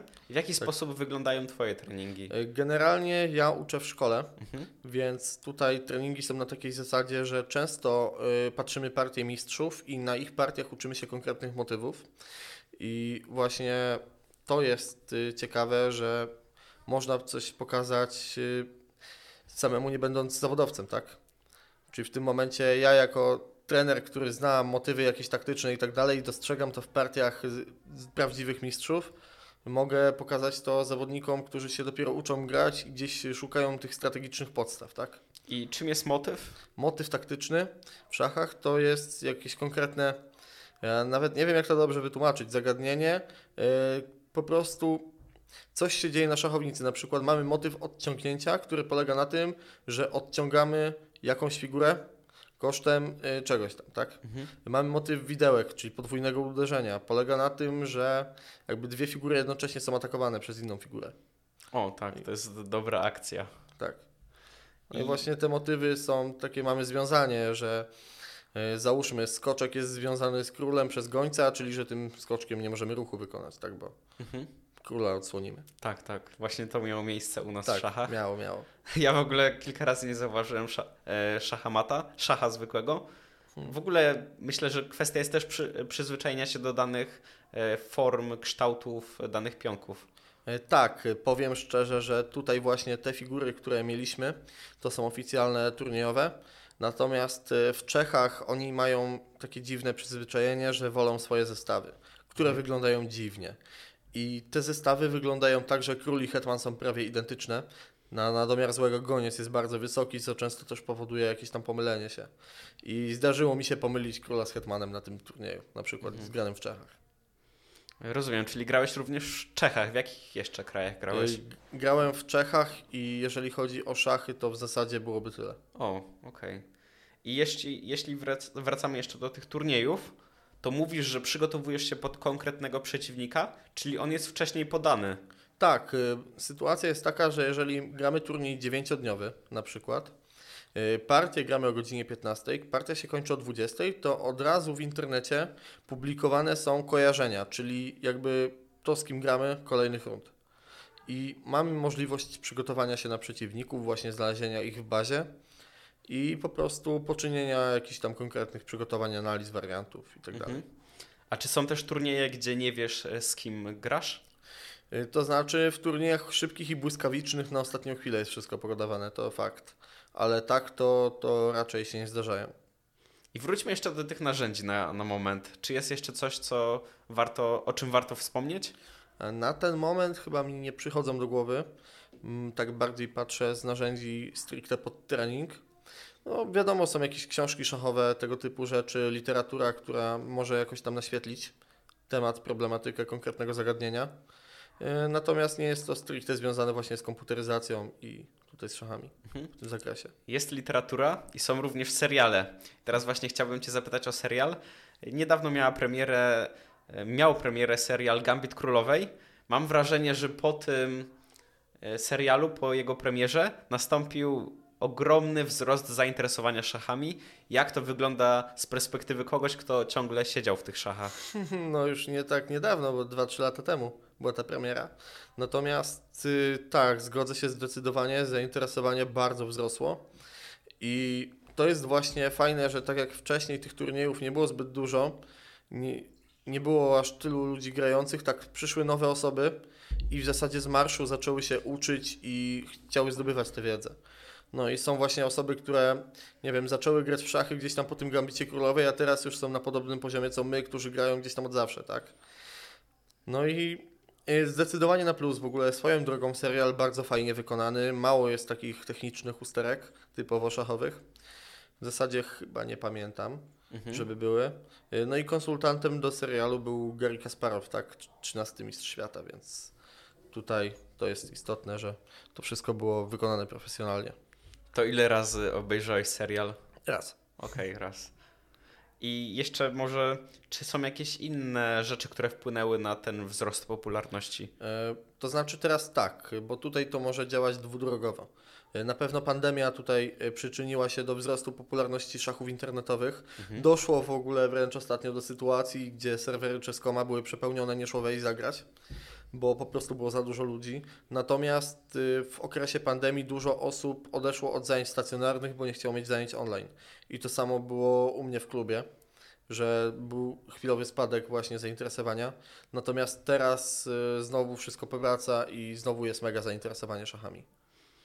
To jest myślę, że dobra wiadomość, bo szachy jak najbardziej rozwijają i w sumie są takim odwróceniem się od tego, co teraz ma miejsce, czyli dążenie do krótkich treści, do e, ładowania swojej dopaminy różnymi tanimi rzeczami, więc jak najbardziej taki trend popieram. I teraz jeszcze chciałbym Cię zapytać, czy, czy w Polsce myślisz, że już jest taki szczyt tej popularności, czy może jeszcze to jest przed nami? E, Myślę, że zawsze może być więcej. Ogólnie teraz dużo się dzieje w Polsce pod względem szachowym. Są nowsze imprezy. Na przykład teraz powstał bardzo ciekawy projekt Superligi, gdzie czołowe polskie kluby mierzą się w szachach szybkich. Jest to na pewno bardzo widowiskowe i e, fajnie jest pooglądać e, bardzo mocnych szachistów grających szybszym tempem. E, W tamtym roku bodajże, albo dwa lata temu, już dokładnie nie pamiętam, miał miejsce też bardzo duży turniej w Warszawie. Już pomijając Mistrzostwa Europy w szachach szybkich i błyskawicznych, które dość często odbywają się na terenie Polski, w Katowicach, no to właśnie Mistrzostwa Świata też się zdarzają gdzieś w Warszawie na Mhm. przykład. No właśnie, ten świat szachów to głównie właśnie te turnieje. E, są jakieś kluby, jak mówisz, są ligi. Tak, tak, tak. Co jeszcze znajduje się w tym świecie szachów? Znaczy no tak, no mamy kluby, mamy turnieje, mamy ligi, mamy jakieś pojedyncze spotkania, gdzieś, gdzie siadamy po prostu bez żadnej spiny, gramy sobie, bawimy się. Są wykłady właśnie w tych klubach. E, my na przykład wprowadziliśmy taką fajną innowację, że łączymy się z trenerem online i rzucamy na projektorze w zasadzie cały wykład, co do nas mówi, my szukamy rozwiązań, rozmawiamy z nim i fajnie to działa. O, to jest ciekawa sprawa. Myślę, że poruszymy w ogóle temat na końcu tego, jak funkcjonuje klub. A teraz chciałbym Cię zapytać o, o coś na temat czego jest mnóstwo stereotypów, czyli na temat szachistów. Ach. Jaki jest typowy szachista? O, to jest dobre pytanie. Jakby każdy z nas jest też inny po części, więc tutaj ciężko jest znaleźć taki jeden obraz stereotypowego szachisty. Natomiast jest dużo różnych takich mitów i krzywdzących właśnie poglądów. Yy, Na przykład to, że yy, szachistę się często wyobraża jako takiego flegmę, staruszka i tak dalej, a prawda jest taka, że bardzo dużo młodzieży gra teraz w szachy. Osoby starsze wiadomo też i to się chwali. Naprawdę powiem szczerze, że rozmawianie z osobami starszymi o szachach jest świetne. Można się dowiedzieć dużo więcej rzeczy. W ogóle mam wrażenie, że urodziłem się w bardzo złych czasach dla szachów. To znaczy, yy, bywało lepiej 20 lat temu, na przykład nie było tych komputerów, wszystko trzeba było robić samemu, yy, wszystko było robione w papierze na przykład, więc jakieś gazety się kupowało, z tego się wyciągało lekcje. No a teraz wszystko mamy jednak podane na tacy, jest dużo łatwiej. Hmm. Y, Jeszcze odnośnie właśnie tych stereotypów jest, funkcjonuje takie powiedzenie refleks szachisty, które jest związane raczej z osobą, która, y, że tak powiem, y, wszystko wykonuje powoli, natomiast wystarczy popatrzeć na partie błyskawiczne. Tak wygląda refleks szachisty. To jest myślę, że dobre podsumowanie. I w ogóle nasze e, czasy charakteryzują się tym, że w większości dziedzin wszystko jest podane na tacy. Tak. Ma to swoje minusy, ma to swoje plusy, to na pewno. I właśnie jeszcze a propos tego tematu, są jeszcze jakieś mity na temat szachistów? Y, Mity na temat szachistów. Mm, Generalnie takie, które funkcjonują gdzieś tam w ogóle społeczeństwa, to nie przychodzą mi do głowy. Natomiast no, wydaje mi się, że to jest bardzo indywidualna kwestia. Tak, szachiści y, to są różni ludzie, naprawdę można trafić na ludzi z różnymi charakterami, z różnym podejściem do życia i do szachów. Więc tutaj to kwestia tego, na kogo się trafi, tak naprawdę. A czy inteligencja szachowa, czyli te dobre umiejętności szachowe, przekładają się potem na inteligencję życiową? Czy, czy zdarzają się szachiści, którzy są głupi po prostu? E, Szczerze, tak, zdecydowanie się zdarzają. Natomiast nie będę tutaj rzucał nazwiskami. Jakby e, każdy gdzieś tam e, po części jest głupi, można by powiedzieć. E, To też właśnie dużo zależy od tego, kto na to patrzy, jak to odbiera i tak dalej. E, Ale ogólnie szachiści dużo właśnie takich umiejętności praktycznych związanych z szachami, tej inteligencji, tak jak mówisz, szachowej przenosi do życia. Właśnie najbardziej chyba przy podejmowaniu decyzji to się przydaje. No i właśnie porozmawiajmy o tym podejmowaniu decyzji. Wspomniałeś, że poza kamerami wspomnia... wspomniałeś mi, że brałeś udział w treningu mentalnym, miałeś trenerkę mentalną, więc w jaki sposób szachiści trenują swój mental? To znaczy tak, ja byłem akurat na jednej sesji grupowej e, w klubie w Jeleniej Górze i mówię, dało mi to dużo z tego względu, że gdzieś tam mogłem sobie poustawiać cele i to, do czego chcę dążyć. I teraz tak, szachiści na najwyższym poziomie już też zaczynają korzystać. Jest właśnie taki trend, że e, korzystają z trenerów mentalnych. E, Właśnie pol- czołowi polscy szachiści tak samo. I tutaj przede wszystkim to jest kwestia umiejętności radzenia sobie ze stresem, z przegraną, koncentracji na partii, właśnie skupianiu się wyłącznie na tym, co się dzieje na szachownicy. I to jest właśnie bardzo przydatne z tego względu, że no idealnie to by było w ogóle skupiać się całkowicie na grze, nie patrzeć najlepiej na przeciwnika, tylko na planszę, tak?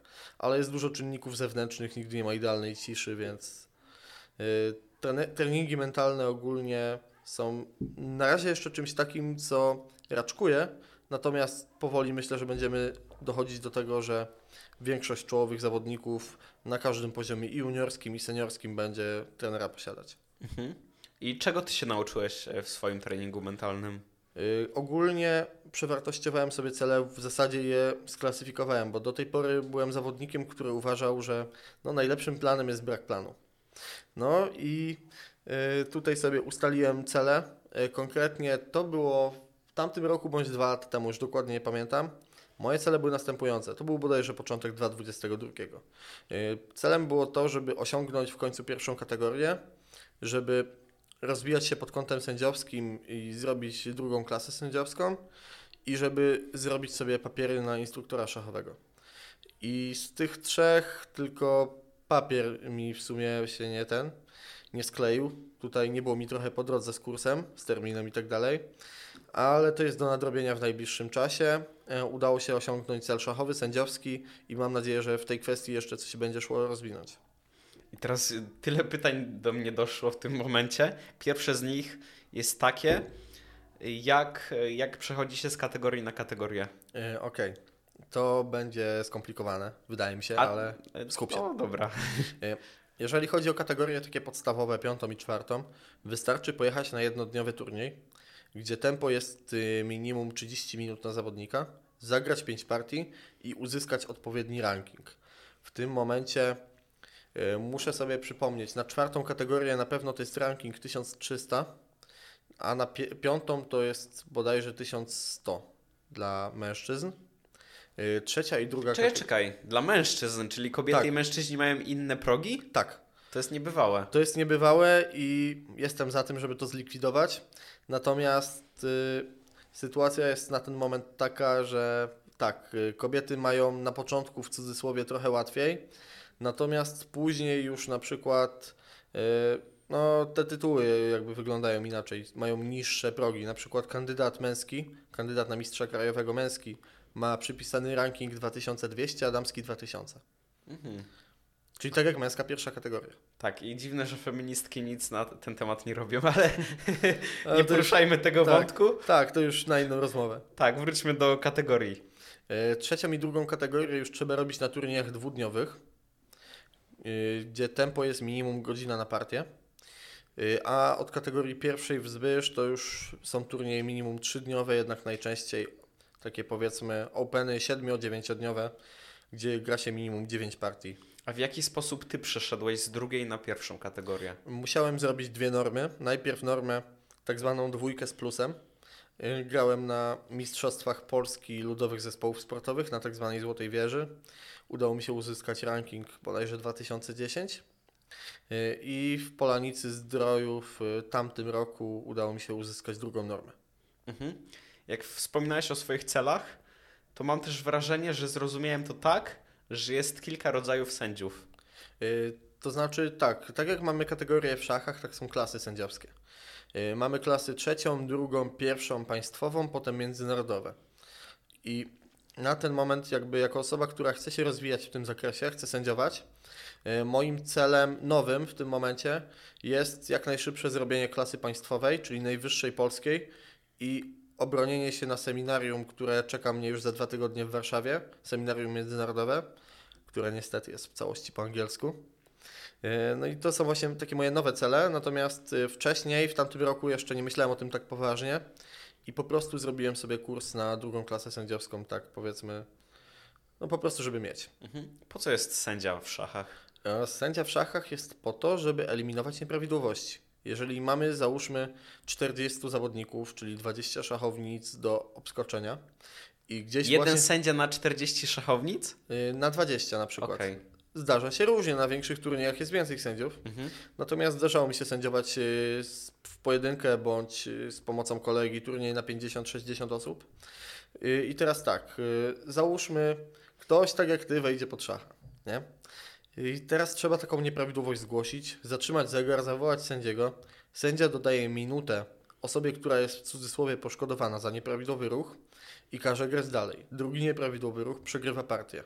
A w tym momencie, jeżeli nie byłoby sędziego, to zawodnicy mogliby nie dogadać się między sobą. Czyli sędzia jest takim negocjatorem, może jest takie jedno słowo, które... Mediator? Tak, mediatorem? Y, Różnie. Y, Czasami tak, czasami trzeba podejść do tematu w taki sposób, że trochę sposobem. Y, Zdarzają się różne sytuacje na turniejach. Ostatnio na przykład miałem sytuację, gdzie zawodnik grał z moim kolegą z klubu y, i jakby sytuacja była taka, że były możliwe dwa ruchy królem. Takie 50 na 50. Jeden ruch przegrywa od razu, ma 2-1, drugi ruch wygrywa. I kolega z klubu podobno, według zeznań zawodnika, który mnie zawołał, puścił króla na polu, gdzie dostawałby mata. Tamten? Nie, nie puściłem. Mam słowo przeciwko słowu, zero świadków i trzeba podjąć decyzję.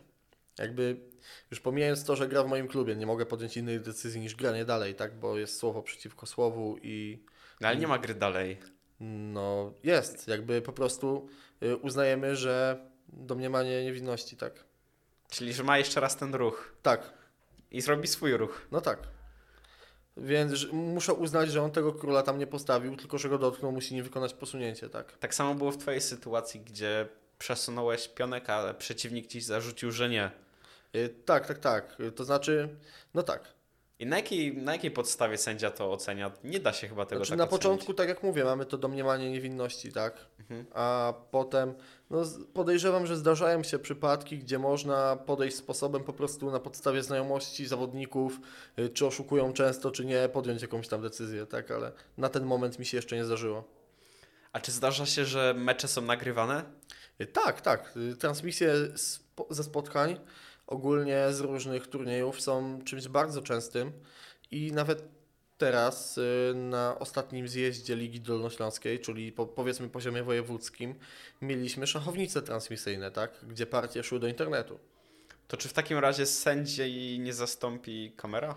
Y, To znaczy, mówię o transmisji teraz stricte takiej y, partii, tak? Czyli, że y, jakby szachownice mają specjalne czujniki, tak samo jak figury, i na tej podstawie jakby partia się przenosi w internet. O, Natomiast kamer y, stricte tam nie było. Mhm. Ale jeżeli mamy, załóżmy, partię na najwyższym poziomie, to tak, są nagrywane. No i myślę, że skoro w futbolu wszedł cały VR, oceniają czy był gol czy nie, prędzej czy później będzie tak w szachach. Każdy system ma swoje wady i myślę, że dalej sędzia będzie potrzebny po to, żeby rozstrzygać pewne wątpliwości i tak jak na przykład, nie wiem jak w ogóle sobie to wyobrażamy, tak, że nie wiem, załóżmy sędzia musi liczyć 50 posunięć, y, które jest potrzebne do zakończenia partii remisem, czy 75, bo 50 to w przypadku reklamacji. No i w tym momencie na, jakim, na jakiej zasadzie by to było zsynchronizowane, tak? Hmm, nie za bardzo To to, rozumiem. to trwałoby zbyt długo, tak? Po prostu, że załóżmy, y, 50 posunięć wybija, kamera to widzi i w jaki sposób teraz dać info sędziemu, żeby musiał, żeby wpisał wynik i tak dalej. Myślę, że jest to do rozwiązania, czy to jakiś, e, jakaś słuchawka, żeby podszedł, czy coś. Jak, jak dla mnie to sędzia dalej będzie potrzebny i jest to przyszłość. A teraz jeszcze takie praktyczne pytanie. No jesteś tym sędzią, masz dwu- dwudzie- 20 meczy Tak. do ogarniania. Czy to serio dużo ludzi potrzebuje tego, czy to jest takie bardziej, że jesteś w razie czego? Zależy od turnieju. Jeżeli sędziuję dzieci, to jestem cały czas na chodzie, cały czas biegam. Y, A jeżeli mam poważny turniej, y, teraz byłem sędzią rundowym na Mistrzostwach Polski Amatorów, gdzie było 200 osób, to interwencje mi się zdarzały na przykład dwa razy na rundę, ale jak się zdarzały, to już coś grubego, nie? Mhm. Myślę, że to jest ciekawe. Tak, to jest ciekawe, ale to wynika ze znajomości gry i przepisów, tak? To jaka była najciekawsza sytuacja, którą musiałeś rozstrzygnąć? Oj, miałem sytuację, gdzie zawodnikowi spadł czas, pomimo tego, że jego przeciwnik był na posunięciu, co jest fizycznie niemożliwe. Natomiast okazało się, że ktoś im przełączył zegar i oboje tego nie zauważyli. Gdzieś szachownica obok. No i teraz tak, yy, ciężko jest podjąć tutaj jakąś decyzję rozsądną, więc po prostu zapytałem ich, jakie pamiętają ostatnie wskazania czasu. I tu było tyle plus, że oboje się z tym zgodzili i mo- mogłem puścić grę dalej na tym y, nowym zegarze powiedzmy, bo ale jakby był protest, to musiałbym uznać porażkę osoby, która przegrała na czas. Oj, to są trudne sytuacje. Tak, i podejrzewam, że z perspektywy właśnie przepisów powinienem taką decyzję podjąć, ale z duchem gry jednak gramy dalej. Mhm, mhm, rozumiem. A w ogóle czy jak w futbolu bardzo dużo widzów, kibiców e, krytykuje sędziów, czy w szachach te, też tak jest? No, czasami się zdarzają pojedyncze protesty, jednak raczej sędziowie szachowi nie mają aż tak trudnego życia jak piłkarscy. Hmm. No i myślę, że temat sędziów wyczerpany. Doszliśmy do niego tematem treningu metal, mentalnego. Mówili, że tam e, pomógł Ci on ustawić cele. W czym jeszcze pomógł Ci trening mentalny? E, W czym jeszcze pomógł mi trening mentalny? No właśnie e, zaczerpnąłem z niego kilka takich przydatnych wskazówek, po prostu jak sobie radzić z koncentracją w trakcie partii. Właśnie e, słynne ćwiczenie Roberta Lewandowskiego, że od liczby na przykład 1000 odejmujemy sobie po kolei cyklicznie jakąś tam liczbę. Czy to jest 7, czy to jest 3,5, to nie ma znaczenia, po prostu skupiamy się na tych liczbach i na wydarzeniach, które się dzieją na szachownicy głównie, a nie na jakimś tam zewnętrznych bodźcach. Myślimy o konkretnie jednej rzeczy. Czyli jednocześnie odejmujesz sobie liczby w głowie i grasz jednocześnie, czy robisz to przed partią? Nie, jednocześnie liczę warianty i liczę sobie w głowie. O, o, ciekawa sprawa. I coś jeszcze robisz? Jakieś inne masz techniki? Y, Nie, raczej jeżeli chodzi o partię, tak stricte to to mi się zdarza zastosować, natomiast już teraz nawet to nie jest regułą. Mhm. Po prostu się skupiam na tym, żeby zagrać dobrą partię. A czy znasz jakieś techniki innych szachistów? Mm, chyba nie. Okej, myślę, że to jest też temat e, z potencjałem. Mhm. To jest temat z dużym potencjałem. I teraz przejdźmy do tematu, który zawsze jest tematem tabu, czyli temat pieniędzy. Ile zarabiają szachiści? Ile zarabiają szachiści? Teraz tak. y, Statystyk dokładnych oczywiście nie mam, natomiast mogę podać kwoty, które znam. Y, W meczu o Mistrzostwo Świata, y, jak grał y, Carlsen z na przykład Nepo, to kwoty były tego rzędu, że zwycięzca brał 600 tysięcy dolarów, a przegrany 400 tysięcy. Na Mistrzostwach Polski, jeżeli się dobrze orientuję, pierwsza nagroda to jest 60 tysięcy złotych. Mhm. Kwoty na turniejach szachowych takich większych, no to myślę, że około 10 tysięcy za pierwsze miejsce, tam później pomniejsze. I teraz tak, no wiadomo, głównie e, szachiści to nie tylko szachy, można zarabiać z różnych rzeczy, sędziowanie, można zarabiać e, z trenowania innych. E, Arcymistrz za lekcje, e, tu bywa różnie, też to zależy od kraju i tak dalej. W Polsce średnio myślę, że to jest około 150-200 zł za godzinę. Chociaż zdarzają się stawki po 100 euro, 100 euro na przykład, tak? Zawodnik na moim poziomie to jest mniej więcej od 50 do 70 zł, chyba że właśnie w szkole gdzieś za grupę to około 200. Mhm. Y, A jeżeli chodzi o sędziowanie, to stawki są ustalone z góry i w tym momencie, jeżeli się dobrze orientuję, y, sędzia taki podstawowy, główny, y, zarabia 160 zł plus 140 zł za każdy dzień spędzony na turnieju. Czyli Czyli- 160 jako taka początkująca Baza, stawka, a potem 140 za każdy dzień. Tak, tak. To nie jest dużo, myślę. To znaczy, to są stawki, które są porównywalne na przykład do amatorskich sędziów piłkarskich, tak? Okej. Którzy y, też y, zarabiają podobne pieniądze. A czy na turniejach wyższej rangi sędziowie zarabiają więcej? Y, Tak, wydaje mi się, że tak. I poza tym często to jest kwestia dogadania się z organizatorem. A czy są sponsorzy w szachach? Tak, zdarzają się właśnie pojedynczy sponsorzy. Nasz klub na przykład jest sponsorowany przez kopalnię Wiktoria, która raz na jakiś czas nam daje jakieś pieniądze. Mhm. Tak samo na przykład Polonia Wrocław, czyli jeden z czołowych klubów, jest y, klubem właściciela y, spółki Votum SA i też właśnie z tego względu mają jakiś większy budżet, tak. Czy możesz powiedzieć o jakich stawkach tu mowa? Nie, nie mam pojęcia. Nie mam pojęcia. Y, Jeżeli chodzi na przykład o mm, kopalnię, tutaj to co dostajemy to kwestia kilku tysięcy, tak? Nie jesteśmy jakimś dużym klubem. też. Mhm, mhm. Kilka tysięcy na miesiąc, dwa miesiące. Nie, nie, ten rok. A, na rok. No, to, to- nie jest to dużo, nie, nie, nie. rzeczywiście. A ile ty najwięcej zarobiłeś na turnieju? Oj. Jeżeli chodzi o granie, to niewiele, to nawet nie jestem w stanie sobie przypomnieć ile. Około 300-400 zł myślę. Mhm, czyli to naprawdę trzeba być e, top Tak, tak, tak. zawodnikiem, żeby być top. coś zarobić. Czyli tak ogólnie z szachów ciężko żyć. Ciężko. W sensie, jeżeli już się jest na tym najwyższym poziomie arcymistrzowskim, da się z tego wyżyć. Natomiast y, w każdym innym przypadku potrzebne są jakby źródła, układy y, i tego typu na przykład znalezienie instytucji, w których można pracować, tak? No, nie ma lekko w tym temacie, nie ma lekko. I jeszcze pytanie o te techniki szachowe Mhm. i przekładanie ich potem na życie. Już powiedziałeś o tej technice skupienia. Czy są jakieś takie techniki, które są znane z szachów, ale da się je przyłożyć na życie i mogą pomóc? To znaczy, tak stricte z szachów to chyba nie, natomiast tutaj proces decyzyjny jest istotny, tak?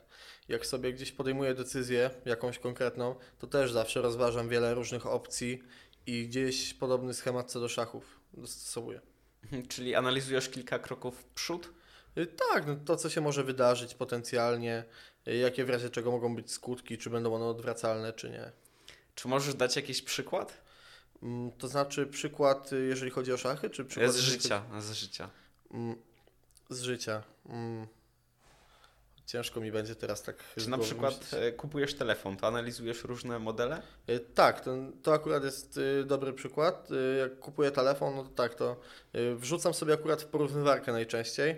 Sprawdzam różne opcje i dostosowuję pod siebie, która będzie najkorzystniejsza i z czego w razie czego mogę zrezygnować, a co mi jest niezbędne w tym Mhm. przypadku. Na podstawie obiektywnych No. danych. Tak, na podstawie obiektywnych danych. Tak samo miałem z wyborem uczelni na przykład.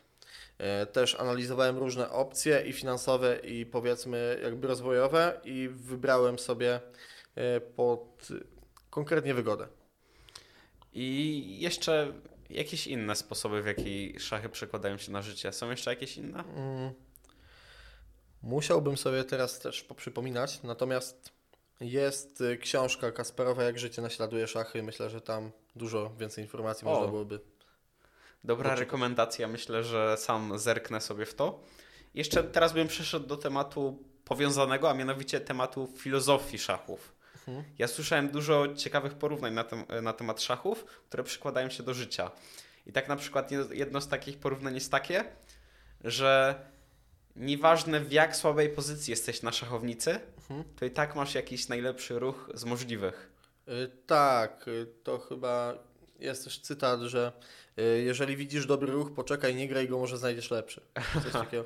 Natomiast y, fajnym porównaniem dotyczącym szachów jest cytat bodajże Grimfelda, y, który mówi, że e, szachy są kijem, dzięki którym paralityk może pobić dwóch zupełnie zdrowych ludzi.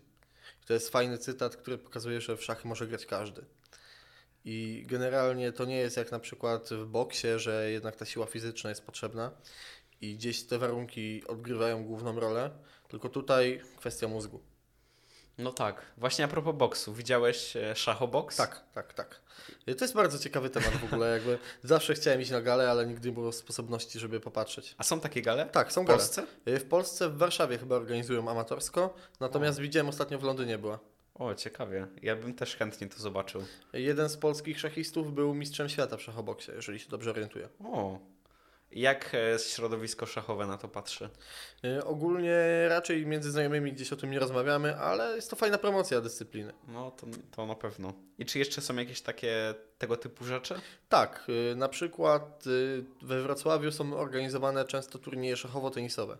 Gramy jednocześnie w szachy i w ping-ponga, znaczy nie jednocześnie, bo byłoby trudno. Natomiast runda składa się z partii w szachy i dwóch setów w ping-ponga. I w taki sposób się sumuje wyniki, że każdy set ma wartość pół punkta, a partia szachów ma cały punkt. I w taki oto sposób się wyłania zwycięzców. Łączenie kilku dyscyplin jest ciekawą sprawą. Tak, tak, bo to pozwala też na integrację różnych środowisk, tak? Jeżeli mamy kogoś, kto jest mocny w ping-ponga, a trochę słabszy w szachy, a chciałby jednak gdzieś z tymi szachistami się spotkać i pograć na wyższym poziomie, jest fajna okazja. Mhm. W ogóle wracając jeszcze do filozofii szachów.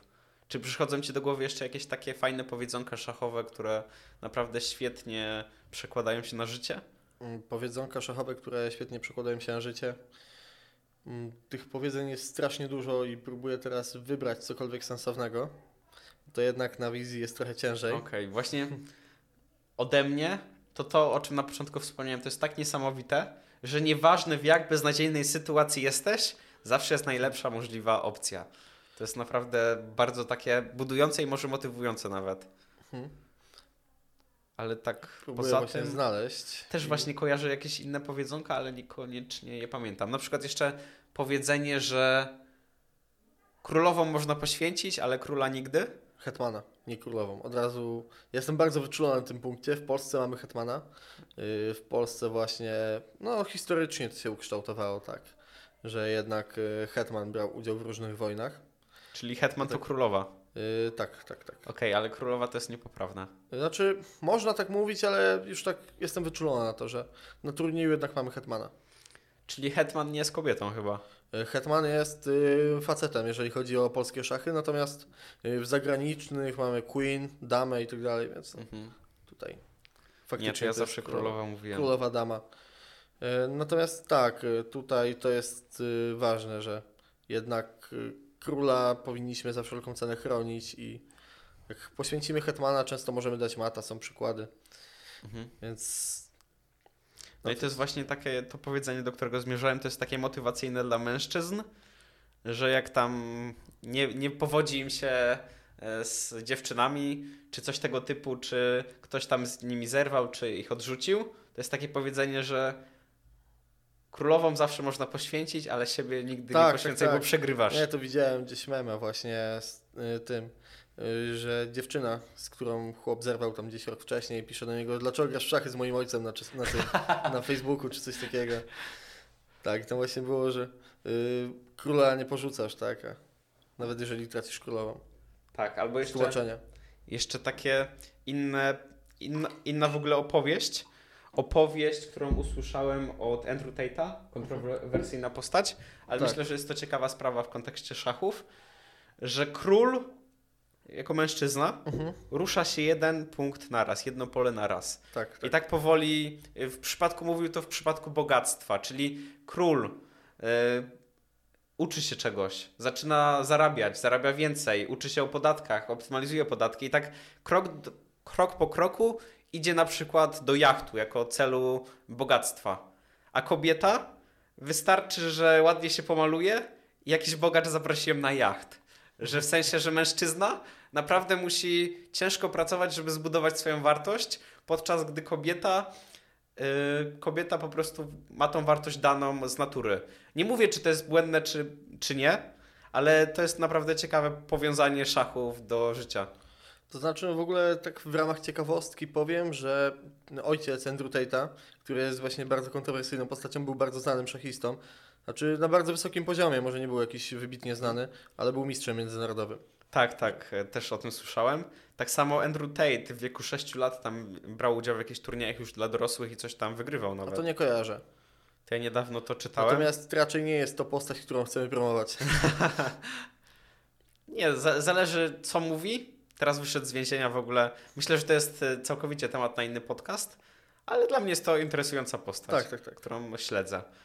Dobrze, więc jeszcze wracając, bo zapisałem sobie tu coś, o czym zapomniałem Cię zapytać, o co zapom- zapomniałem Cię zapytać, a mianowicie wspomnieliśmy sobie o zarobkach szachistów, Mhm. ale jakie są koszty szachistów? No wspomniałeś, że tam niektóre abonamenty internetowe czy strony są, są płatne, więc jak to wygląda? E, Ogólnie, jeżeli sobie chcemy kupić na przykład premium na stronie czeską, e, taką wersję platynową czy diamentową, to to jest wydatek roczny, myślę około 400-600 zł. Tak samo programy szachowe raczej nie należą do najtańszych. E, Jakieś kursy szachowe właśnie debiutowe, myślę, że to jest koszt w granicach kilkudziesięciu dolarów, euro. A wyjazdy na turnieje chyba najwięcej pochłaniają. Tutaj to są koszty właśnie zakwaterowania, wyżywienia wpisowe zazwyczaj w granicach 200-300 zł. Nie, nie opłacają tego? Y, Klub często opłaca, natomiast y, tak jak mówię, jeżeli zawodnik jedzie sobie z partyzantki, to musi sam to pokryć. A czy ty opłacasz, czy ty masz pokryte?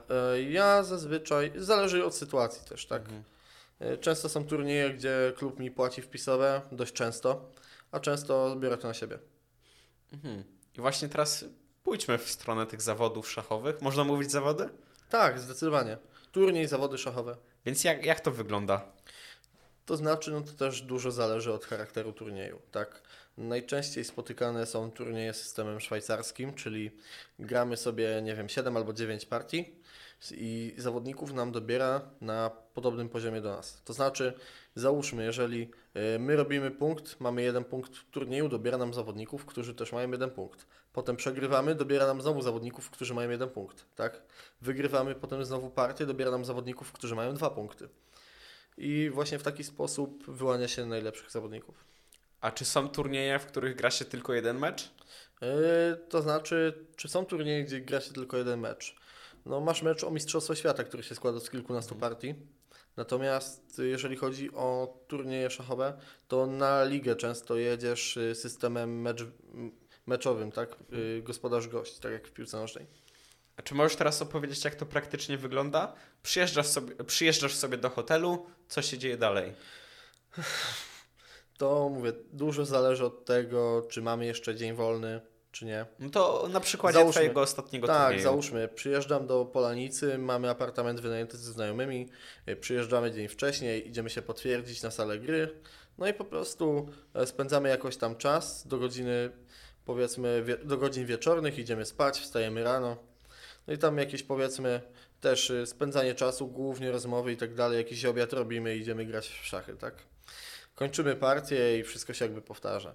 Więc to jest taki cykliczny, ale to często właśnie można poznać nowych ludzi i tak dalej, to jest super w szachach. Czyli nic takiego niesamowitego? Nic jakiegoś takiego nadzwyczajnego. Czasami się, yy, się dzieją jakieś imprezy i tak dalej, się wyjdzie, ale wszystko tak powiedzmy w granicach rozsądku. Jeszcze mam pytanie o trenerów szachowych. Mhm. Bo w przypadku wielu sportów jest tak, na przykład e, sztuki walki. Mhm. Tam każdy zawodnik ma swojego trenera, który się nim zajmuje. Czy w szachach też, też tak jest? Mm, To znaczy w szachach powiedzmy, jeżeli chodzi o tych ambitnych zawodników, to tak, to każdy gdzieś tam z kimś trenuje. Natomiast dużo osób uczy się na własną rękę. A jeżeli na przykład wzięlibyśmy tego najlepszego zawodnika teraz na świecie? Magnusa? No, generalnie podejrzewam, że ma na pewno swoich sekundantów, y, ma chyba też trenera, y, ale głównie w tym momencie służą mu do przygotowań debiutowych, tak? Do jakichś konkretnych wariantów i tak dalej. Do gdzieś tam pracy z silnikiem, żeby znaleźć najlepsze opcje. No właśnie, czy komputer nie jest najlepszym trenerem teraz? To znaczy, no jest, ale też nie zawsze możemy być przygotowani na najlepsze odpowiedzi. Wróćmy jeszcze do tematu turniejów. Chciałeś, żebyśmy porozmawiali trochę o turnieju od kulis. Mhm. Czy możesz rozwinąć temat, jak wygląda e, turniej od kulis? Jak... znaczy, to już y, w miarę y, poruszyłem, tak, że jednak y, gdzieś tam się spotykamy ze znajomymi i gramy w jakieś różne gry, planszówki. Jeżeli chodzi o to, to w szachach też dość często jest obecny alkohol. Wiadomo też, nie żeby przegiąć, ale po prostu tak. y, Turnieje szachowe z tego słyną po prostu. Ja myślę, że wiele. Alkohol występuje w wielu dziedzinach, o których ludzie by nie pomyśleli. Tak, tak, I szachy są jedną z nich. dokładnie. Czyli spożywać alkohol dla wielu może to być zaskoczenie, bo wielu ludzi wyobraża sobie właśnie, wracając do tego stereotypu szachisty, Mhm. że są to tacy poukładani ludzie, którzy tylko analizują wszystko i myślą i tak dalej. I chyba tak nie jest, co? Nie, no generalnie jakby wszystko w granicach, tak? Jakby jesteśmy ludźmi jak wszyscy inni, tak? Więc jeżeli powiedzmy normalni ludzie w cudzysłowie piją alkohol, to dlaczego szachiści nie mogą, nie? Dokładnie, dokładnie. I teraz interesuję się kulturystyką Mhm. i tam każdy kulturysta jako taki nadrzędny cel ma Mister Olimpię. To są takie największe zawody kultury, kulturystyczne, gdzie e, są najlepsi z najlepszych. I teraz pytanie, jak w szachach to wygląda? Czy też jest taki jakiś turniej, czy coś, do czego mierzy każdy szachista? E, Po pierwsze mamy mecz o Mistrzostwo Świata, do którego można się dostać, e, chyba podobnie jak w boksie jest taki system, z turnieju pretendentów, że mamy ośmiu zawodników i oni grają turniej między sobą o to, kto zagra z Mistrzem Świata. I ten Mistrz Świata jest tym broniącym tytuł, a pretendent właśnie próbuje go pokonać. Czyli jest to Mangus? Jak... Magnus Carlsen, tak. Tak, okej. Y, I y, aktualnie on zrezygnował i za dwa dni bodajże rozpocznie się mecz pomiędzy Janem Niepomniaszczym a Dingiem Lirenem o Mistrzostwo Świata, ale takim turniejem, y, który jest powiedzmy istotny jest Olimpiada Szachowa. To jest coś jak Igrzyska Olimpijskie, ale w, szach, w szachach, nie? Mhm. I właśnie często zdarzają się jakieś tam y, poważniejsze sukcesy, jeżeli chodzi o polską kadrę. Jakiś czas temu właśnie polska kadra zdobyła srebro tam. Bo to są też drużynowe Tak, zawody, przede tak? wszystkim drużynowe. Okej. A tak w ogóle to dlaczego zawsze w szachach mi się kojarzy, że jest taka walka między Stanami Zjednoczonymi a Rosją i to są takie dwa główne kraje. Bo To się generalnie wzięło już od zimnej wojny, tak? Y, Był Bobby Fischer, też jeden z mistrzów, mistrzów świata i wie- wielcy rosyjscy szachiści, tak? Kasparow, Karpow, Spassky i dłu- długo by wymieniać. I właśnie była taka niepisana wojna między nimi, jeżeli chodzi o szachy. E, No i w sumie zostało tak po dziś dzień, że szachiści amerykańscy, rosyjscy, ostatnio hinduscy, chińscy i polscy są najmocniejsi. O, dobrze, że Polska się tam znalazła. Polska jest wysoko w rankingu, e, natomiast na ten moment chyba to nie jest czołówka taka top 3 na przykład. Powiedzieliśmy sobie o celach szachistów. A jakie są Twoje cele? Jakie są moje cele? Przede wszystkim, jeżeli chodzi o szachy, e, już nie celuję nawet w tytuły, tylko chciałbym zrobić dwie normy na tytuł kandydata na mistrza. Bo dwie Co normy, to znaczy? to znaczy muszę dwa razy wypełnić ranking na tytuł kandydata, ale żeby dostać tytuł kandydata muszę mieć jeszcze ranking międzynarodowy odpowiedni, który na ten moment jest poza zasięgiem. Y, I chciałbym kiedyś mieć tytuł międzynarodowy, jeżeli chodzi o sędziowanie. Zobaczymy, jak to wyjdzie. Na ten moment staram się, próbuję, uczę się i Mhm. zobaczymy, jak to wyjdzie. Czego ty musisz się więcej, więcej uczyć? Y, ogólnie takiego schematu działania, tak, w przypadkach poszczególnych. Zdarzają się sytuacje kontrowersyjne, tak jak na przykład w piłce nożnej, gdzie przepisy czasami nachodzą na siebie i po prostu trzeba podjąć odpowiednią decyzję zgodnie właśnie z przepisami. A w przypadku rozwoju ciebie jako zawodnika, to co? Po prostu musisz trenować i grać. Tak, po prostu muszę trenować, grać, lepiej rozumieć grę i przede wszystkim dużo jeździć na turnieje, a na to czasami nie ma czasu. A czy to ci się już nie nudzi? Nie. Nie? Zawsze każdy turniej czegoś właśnie uczy i każdy turniej y, jest czymś takim, co pozwala się rozwinąć, poznać nowych ludzi przede wszystkim. Mhm. To jest właśnie super w szachach, że można poznawać ludzi. I co, tak myślisz, że znasz już całą, cały świat polskich szachistów? To znaczy kojarzę na pewno, znać y, nie, chociaż prawdą jest to, że na pewno więcej osób kojarzę ja niż ja ich. Okej. Okej. I jeszcze jakieś masz cele, czy to już e, E, tak, takie gówna? no, przede wszystkim y, jak najwięcej osób nauczyć grać w szachy i gdzieś tam pomagać im się rozwijać. To jest taki cel nadrzędny. Okej. Myślę, że poruszyliśmy mnóstwo wątków e, w tym podcaście. A czy jest coś, co jeszcze myślisz, że jest warte powiedzenia? E, W kontekście szachów przede wszystkim to, żeby się nie poddawać i walczyć zawsze o swoje cele. To jest myślę bardzo motywujące i, i łączy się to dobrze z segmentem, który zawsze na koniec występuje. Jest to segment Każda porażka jest lekcją. Jak ci pisałem, polega on na tym, że pytam swojego gościa o największą porażkę ostatniego roku i potem to, czego się z niej nauczył. I tu nie chodzi o porażkę jako porażkę. I w ogóle cały segment ma za zadanie przekształcić to, jak postrzegamy porażki. To ma być jako coś dobrego. Porażka to jest tylko i wyłącznie informacja zwrotna, która ma ci dać informację, co zrobiłeś źle i co możesz zrobić lepiej następnym razem. Więc już przechodząc do pytania, jaka jest Twoja największa porażka ostatniego roku? To znaczy może nie ostatniego roku, bo Mhm. to ciężko w sumie e, współmiernie ogarnąć, jeżeli chodzi o szachy, ale podam na przykładzie ostatnich pełnych lat. W 2021 roku grałem turniej w Polanicy i tam e, potrzebowałem punkta bodajże z dwóch, żeby wykonać normę na pierwszą kategorię. I obie partie zagrałem perfekcyjnie w debiucie, a potem dostałem przegrane. No przegrałem po prostu dwie partie głupio na własne życzenie i stres tam wszedł i różne inne aspekty. I zacząłem się zastanawiać, co jest nie tak. No i przede wszystkim za szybko. Za szybko, gdzieś to mi dało do myślenia. Zacząłem się skupiać bardziej na tym, co gram i rok później w tym samym miejscu już udało się tę normę uzyskać. I, i też pomimo wielkiego stresu, pomimo właśnie y, różnych emocji, które ciążyły, udało się tę porażkę z poprzedniego roku zamienić w sukces, który, którego już mi nikt nie odbierze, bo kategoria jest nadawana dożywotnia. O, to jest ciekawe. W ogóle w szachach jest bardzo komfortowe to, że możesz się zatrzymać i pomyśleć. Tak. W wielu sportach nie ma takiego komfortu. Teraz też nie było jak graliśmy, bo miałeś tylko 30 sekund, ale ogólnie tak jest. I czyli lekcją jest to, że czasem warto się zatrzymać, żeby przeanalizować sytuację. Y, Tak, dokładnie. Czasem warto po prostu y, zwolnić i nie grać szybko od ręki, bo coś może uciec po prostu, tak? Gdzieś w obliczeniach. I lepiej po prostu na spokojnie gdzieś y, dążyć do tej wygranej, tak? I no dążyć cały czas ze swoimi celami. Mhm.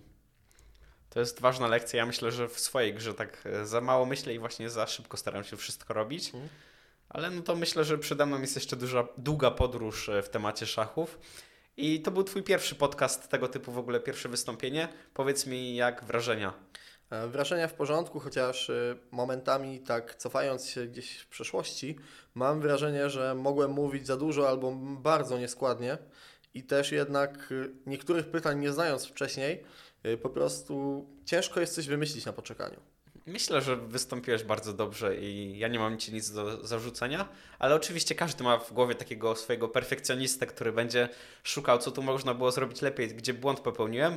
Myślę, że po prostu z praktyką dochodzi do ciebie, że to nie jest prawda. Ja tak samo, pierwsze przecież moje podcasty to było takie, że mogłem zadać inaczej pytanie, mogłem to, a potem nikt tego nie zauważył i wszystkim się podobało, więc to jest takie, że masz coś sobie takie w głowie, że krytykujesz się. No, zobaczymy, jak to wyjdzie koniec końców. No. Miejmy nadzieję, że ta rozmowa mimo wszystko coś tam dała. Pomimo tego, że mogła nie być y, gdzieś w 100% y, merytoryczna, bo dużo rzeczy jest na podstawie moich obserwacji i tego, co się dzieje powiedzmy w środowisku na moim poziomie, a jednak na poziomie wyższym rzeczy mogą się mieć inaczej. Tak, to jest e, jasna sprawa. Zaprosiłem Cię, żebyś powiedział o swojej perspektywie, więc ja nie mam Ci nic do zarzucenia, tak jak już mówiłem. I w ogóle dla mnie dobry bardzo podcast. I teraz pytanie do Ciebie, gdzie widzowie mogą Cię znaleźć? Może ktoś się zainteresował szachami, może jest e, z Twoich okolic i chce potrenować?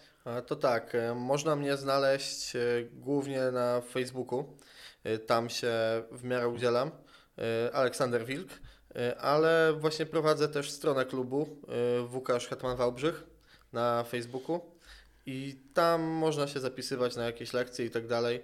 Wystarczy napisać w wiadomości prywatnej, gdzieś przyjść do klubu, jeżeli ktoś jest z okolic Wałbrzycha. E, A jeżeli chodzi o zajęcia online, to na ten moment e, nie posiadam jeszcze y, tego w ofercie, ale myślę coraz poważniej o tym, żeby założyć profil na ekorepetycję. Tak, to byłby dobry pomysł.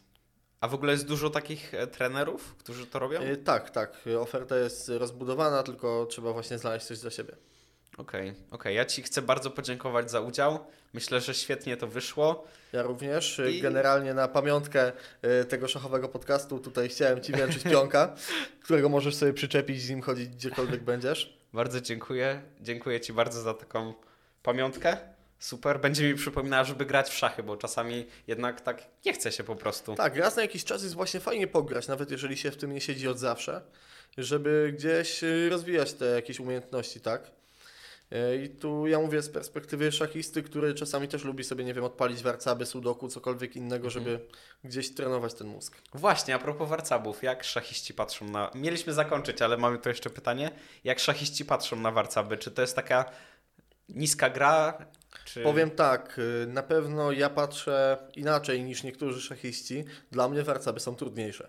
Z tego względu, że e, w warcabach jakby jest dużo więcej opcji do wykonania, bo przede wszystkim warcaby takie zawodowe, w sensie e, turniejowe, są na 100 pól. I to daje dużo więcej możliwości i tak dalej, jednak każdy pionek ma ten sam ruch. E, Poza damką, tak, ale to wiadomo. No i to dodatkowo utrudnia i zmusza do większego myślenia, żeby czegoś nie podstawić szybko. Poza damką jest jeszcze jakiś inny pionek. Znaczy nie, damka i pion.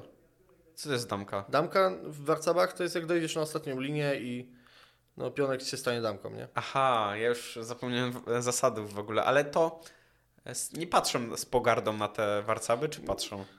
Różnie bywa. Ja na przykład bardzo szanuję środowisko warcabowe. E, Często oglądam na przykład, bo e, Polka Natalia Sadowska jest wybitną warcabistką, mistrzynią świata wielokrotną i naprawdę fajnie się ogląda różne materiały z tym związane i ogólnie mamy współpracę między środowiskami szachowymi i O. warcabowymi.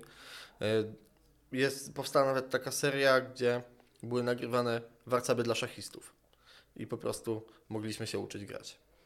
To jest ciekawa, ciekawostka, masło maślane na sam koniec. Więc jeszcze raz bardzo Ci dziękuję. Ja Szufla również. na koniec. Fajna rozmowa. Dzięki. Fajna rozmowa, miejmy nadzieję, że ukaże się to gdzieś. Tak, oczywiście, że się okaże. Do zobaczenia Do w zobaczenia. kolejnej. Cześć. Jeżeli dotarłeś do tego miejsca, to zostaw w komentarzu taką oto emotkę serca. A na pewno przypnę Ci serduszko. Jeżeli masz dobry dzień, to zostaw również lajka, czyli łapeczkę w górę oraz subskrypcję. W ten sposób wspierasz cały projekt darmowych rozmów najwyższej jakości. A teraz czas na autopromocję. Część z Was może nie wiedzieć, ale napisałem własną książkę. Książka ukazała się w formie dropu i wyszło tylko 100 egzemplarzy. Jeżeli interesujesz się rozwojem osobistym lub jesteś na początku swojej drogi w tym temacie, to ta pozycja jest dla Ciebie. Z pomocą Progressus Dux skrócisz sobie swoją drogę o stokroć. Streściłem w niej kilka lat mojego rozwoju, przedstawiając praktyczne narzędzia i wskazówki. Jeżeli chcesz zamówić tą książkę, to napisz do mnie na maila podanego w opisie. W opisie znajduje się również cała strona poświęcona tej książce, a także darmowe fragmenty.